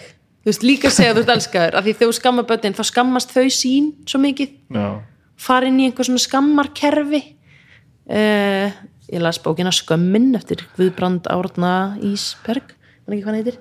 Um, og hérna, já, þannig að þú veist ef þú ert bara skamma, skamma, skamma þá fara þau einhvern veginn að Já. vera skömmustu já, já, veist, fá minna sjálfströst en ef þú skammar en elskar þá, já, ég gerir sem það. þú gerir, ég er ekki að segja að þú gerir það ekki. Ég bara, þetta er eitthvað sem ég, ég heyrði. Ég hef aldrei heyrt að maður er ekki að skamma sko. og svo er eitt í viðbót sem að ég hérna, sem ég reynda að fara að nýta mig strax. Að ég tala bara við börnum mínu eins og fólk. Já, líka þegar þú voru þryggja mánuða sko. já, um mitt Þú veist, ekki eitthvað gú, gú, gú.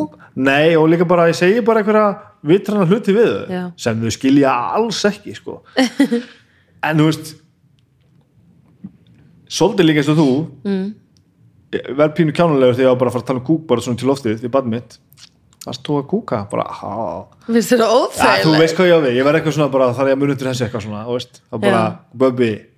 Að drulla þig, þú veist, ég tala Já. miklu meira svona við hann, já, skilur. já, einmitt, einmitt, einmitt þú veist, ég er ekki eitthvað svona hérna að stilla mér eitthvað svona rosalega mikið af fyrir, fyrir börnin mín, sko einmitt ég, mér finnst sko uh, að meina, þú ert alltaf allan að bera virðingu fyrir barninu einhvern veginn, þú ert ekki að gefa þér að það skilja ekki eitthvað eða geta ekki eitthvað mm -hmm. veistu hvað ég vil? já, alveg, alveg fullkomlega og ekki, þú veist, ég ætla að passa mig á því, ég ætla að reyna það að hérna ég er alltaf að hugsa hvað ég ætla að gera þegar hann verður eldri. En að þú veist, svara ekki fyrir hann, skilur já, mjög mikilvægt ef vini sammála minni þessu. kom í heimsókn og spurja að einhverju, þú veist, ætla ég ekki að taka af honum orðið einhvern veginn? Ekki bara- sjálfkrafa vantrista barn Nei, nefnilega, nefnilega. Og einmitt að tala já, bara tala við þau af, af virðingu, ekki með eitthvað svona rödd eða eitthvað. Þá er ég alveg kjánulegu sko. Já, einmitt kannski mun ég gera það óvart, skilur en þetta er svona eitthvað sem að ég ætla að reyna að temja mér sem fóreldri en svo skulum við ekki gleyma því að allt sem maður ákveður og allt sem maður heldur sér rétt Já. það breytist alltaf. Annarkost bara þegar barnið er árið eldra eða, það, allt sem heldur að, að sérst að læra þegar eignast barn Mhm. það verður engu þegar eignast annan barn Já, það, það er engin af sömu aðferðum sem virka á næsta barn. Nei, og það einmitt. er algjörlega pyrrandi því maður svona held að maður væri búin að ná einhverju. Nei, ekkert. Það varst að læra allt upp á nýtt. Ekki neitt, sko. Það er útrúlega að fyndið. Já, einmitt, svo gerir maður alltaf bara það sem virkar. Það er bara þannig, sko. Já, auðvitað. Ég meina, barnið mitt, uh, hann er alltaf með snuddu. Alltaf. Mhm. Ekki það, ég veit ekki hvort það er eitthvað slæmt. Ég, ég hugsaði eitthvað svona oh, Næ, ég mun ég einhvern tíma ná að venja þig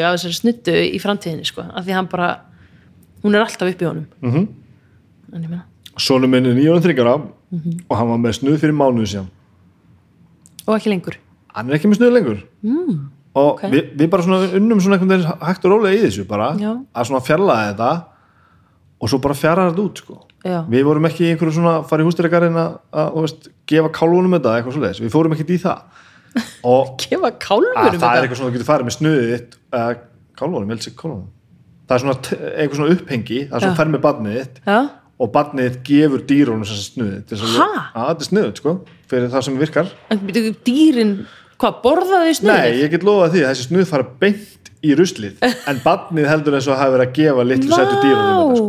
en hvað það er Það er bara frábær hugmynd en, Vá. en þú veist, við bara bæði að því að það er bara COVID og við bara einhvern veginn erum ekki alveg svona sko. Nei, nei, það er bara, þetta kemur bara sko. já, og sonu minn er, hann er þryggjára hann veit ekkert sko, hann, hann, er, hann er ekki fljóttur upp, upp á skafti sko. hann er, al, hann er algjört glæsi minni Oh. en svo allt í núna bara þá hætti hann bara með bleiðu sko.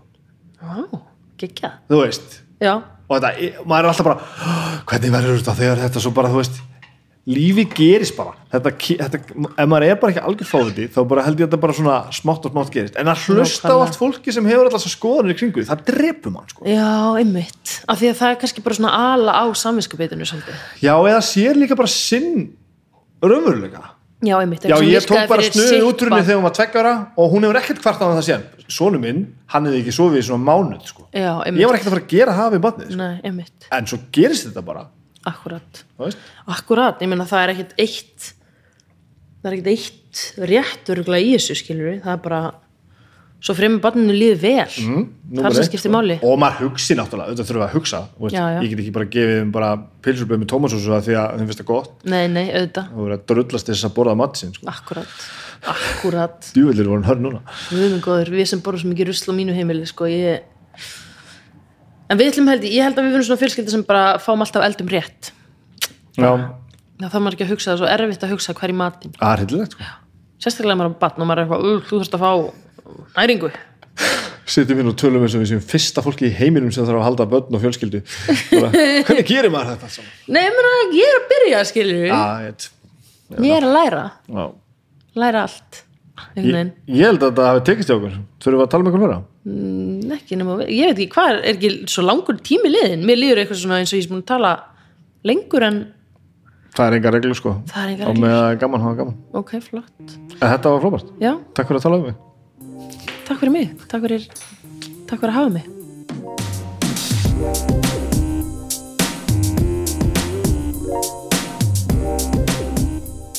Þannig var það, litlu við þetta bæta. Eh, gaman að spjalla við Blæfi hún hefur einhvern veginn séð margt þurft að díla við margt og einhvern veginn er bara á beinu brautinni að gera ógeðslega margt ógeðslega skemmtilegt. Og bara það var frábært. Óvinni langt spjall og við bara einhvern veginn í ægilu stuði. Skemmtilegt og skemmtilegt. Herðu, ég ætlaði þá bara aðeins að minnast á hljóðkirkjuna hér áður en að yfir líkur eh, Dómstafa var náttúrulega mánudaginn sama þvaðrið þar. Kokkaflakk var á þriðudaginn og viðtalans Óla var við Nönnu Röggvaldardóttur sem uh, gúskar í alls konar matatengt og hefur gefið út hvað örugglega 20, meira en 20 maturslöpökkur skemmtilegt, gríðalegt spjallar. Uh, drauga fortíðar voru náttúrulega á miðvíkudaginn um, um, og þar er fjallaheimtur á Halla en ef ég mann rétt var það síðasta um síðastu helgi það sem kom aukaþáttur, uh, þriði aukaþáttur sem ég gera sem að er kalla Georg Stornefur ég veit ekki það, ég er ekki búin að, að, að hlusta á þann þátt. Það er úrlega eitthvað stórkostlegt og allir í miklu stuði. Og á morgun er það verkefni verkefnina sem hefur nú tekið eiginlega yfir allan minn frítíma þessa vikuna. Og allt, ekkert bara frítíma, bara allan tíma. Ég hef bara látið, látið rúla í erum á mér því ég get, það er sjálfur Bob Dylan besta platan með Bob Dylan á morgun það er verkefni að fara yfir þegar að einhver hefur gefið út 39 breyðskífur á ferlinu, þá þarf aðeins að gera það í brók og þannig að þátturinn er tekin upp. En gríðalegu þáttur, skemmtilegt. Þannig að 5 þættir í viku á hljókirkjunni þetta er allt á blúsandi og næsti þáttur er mér verður þáttur með 20, þetta er fljótt að gerast. En allavega þurfum ekki að spjalla meira um það í bili. Þetta er komið gott, takk fyrir mig, bye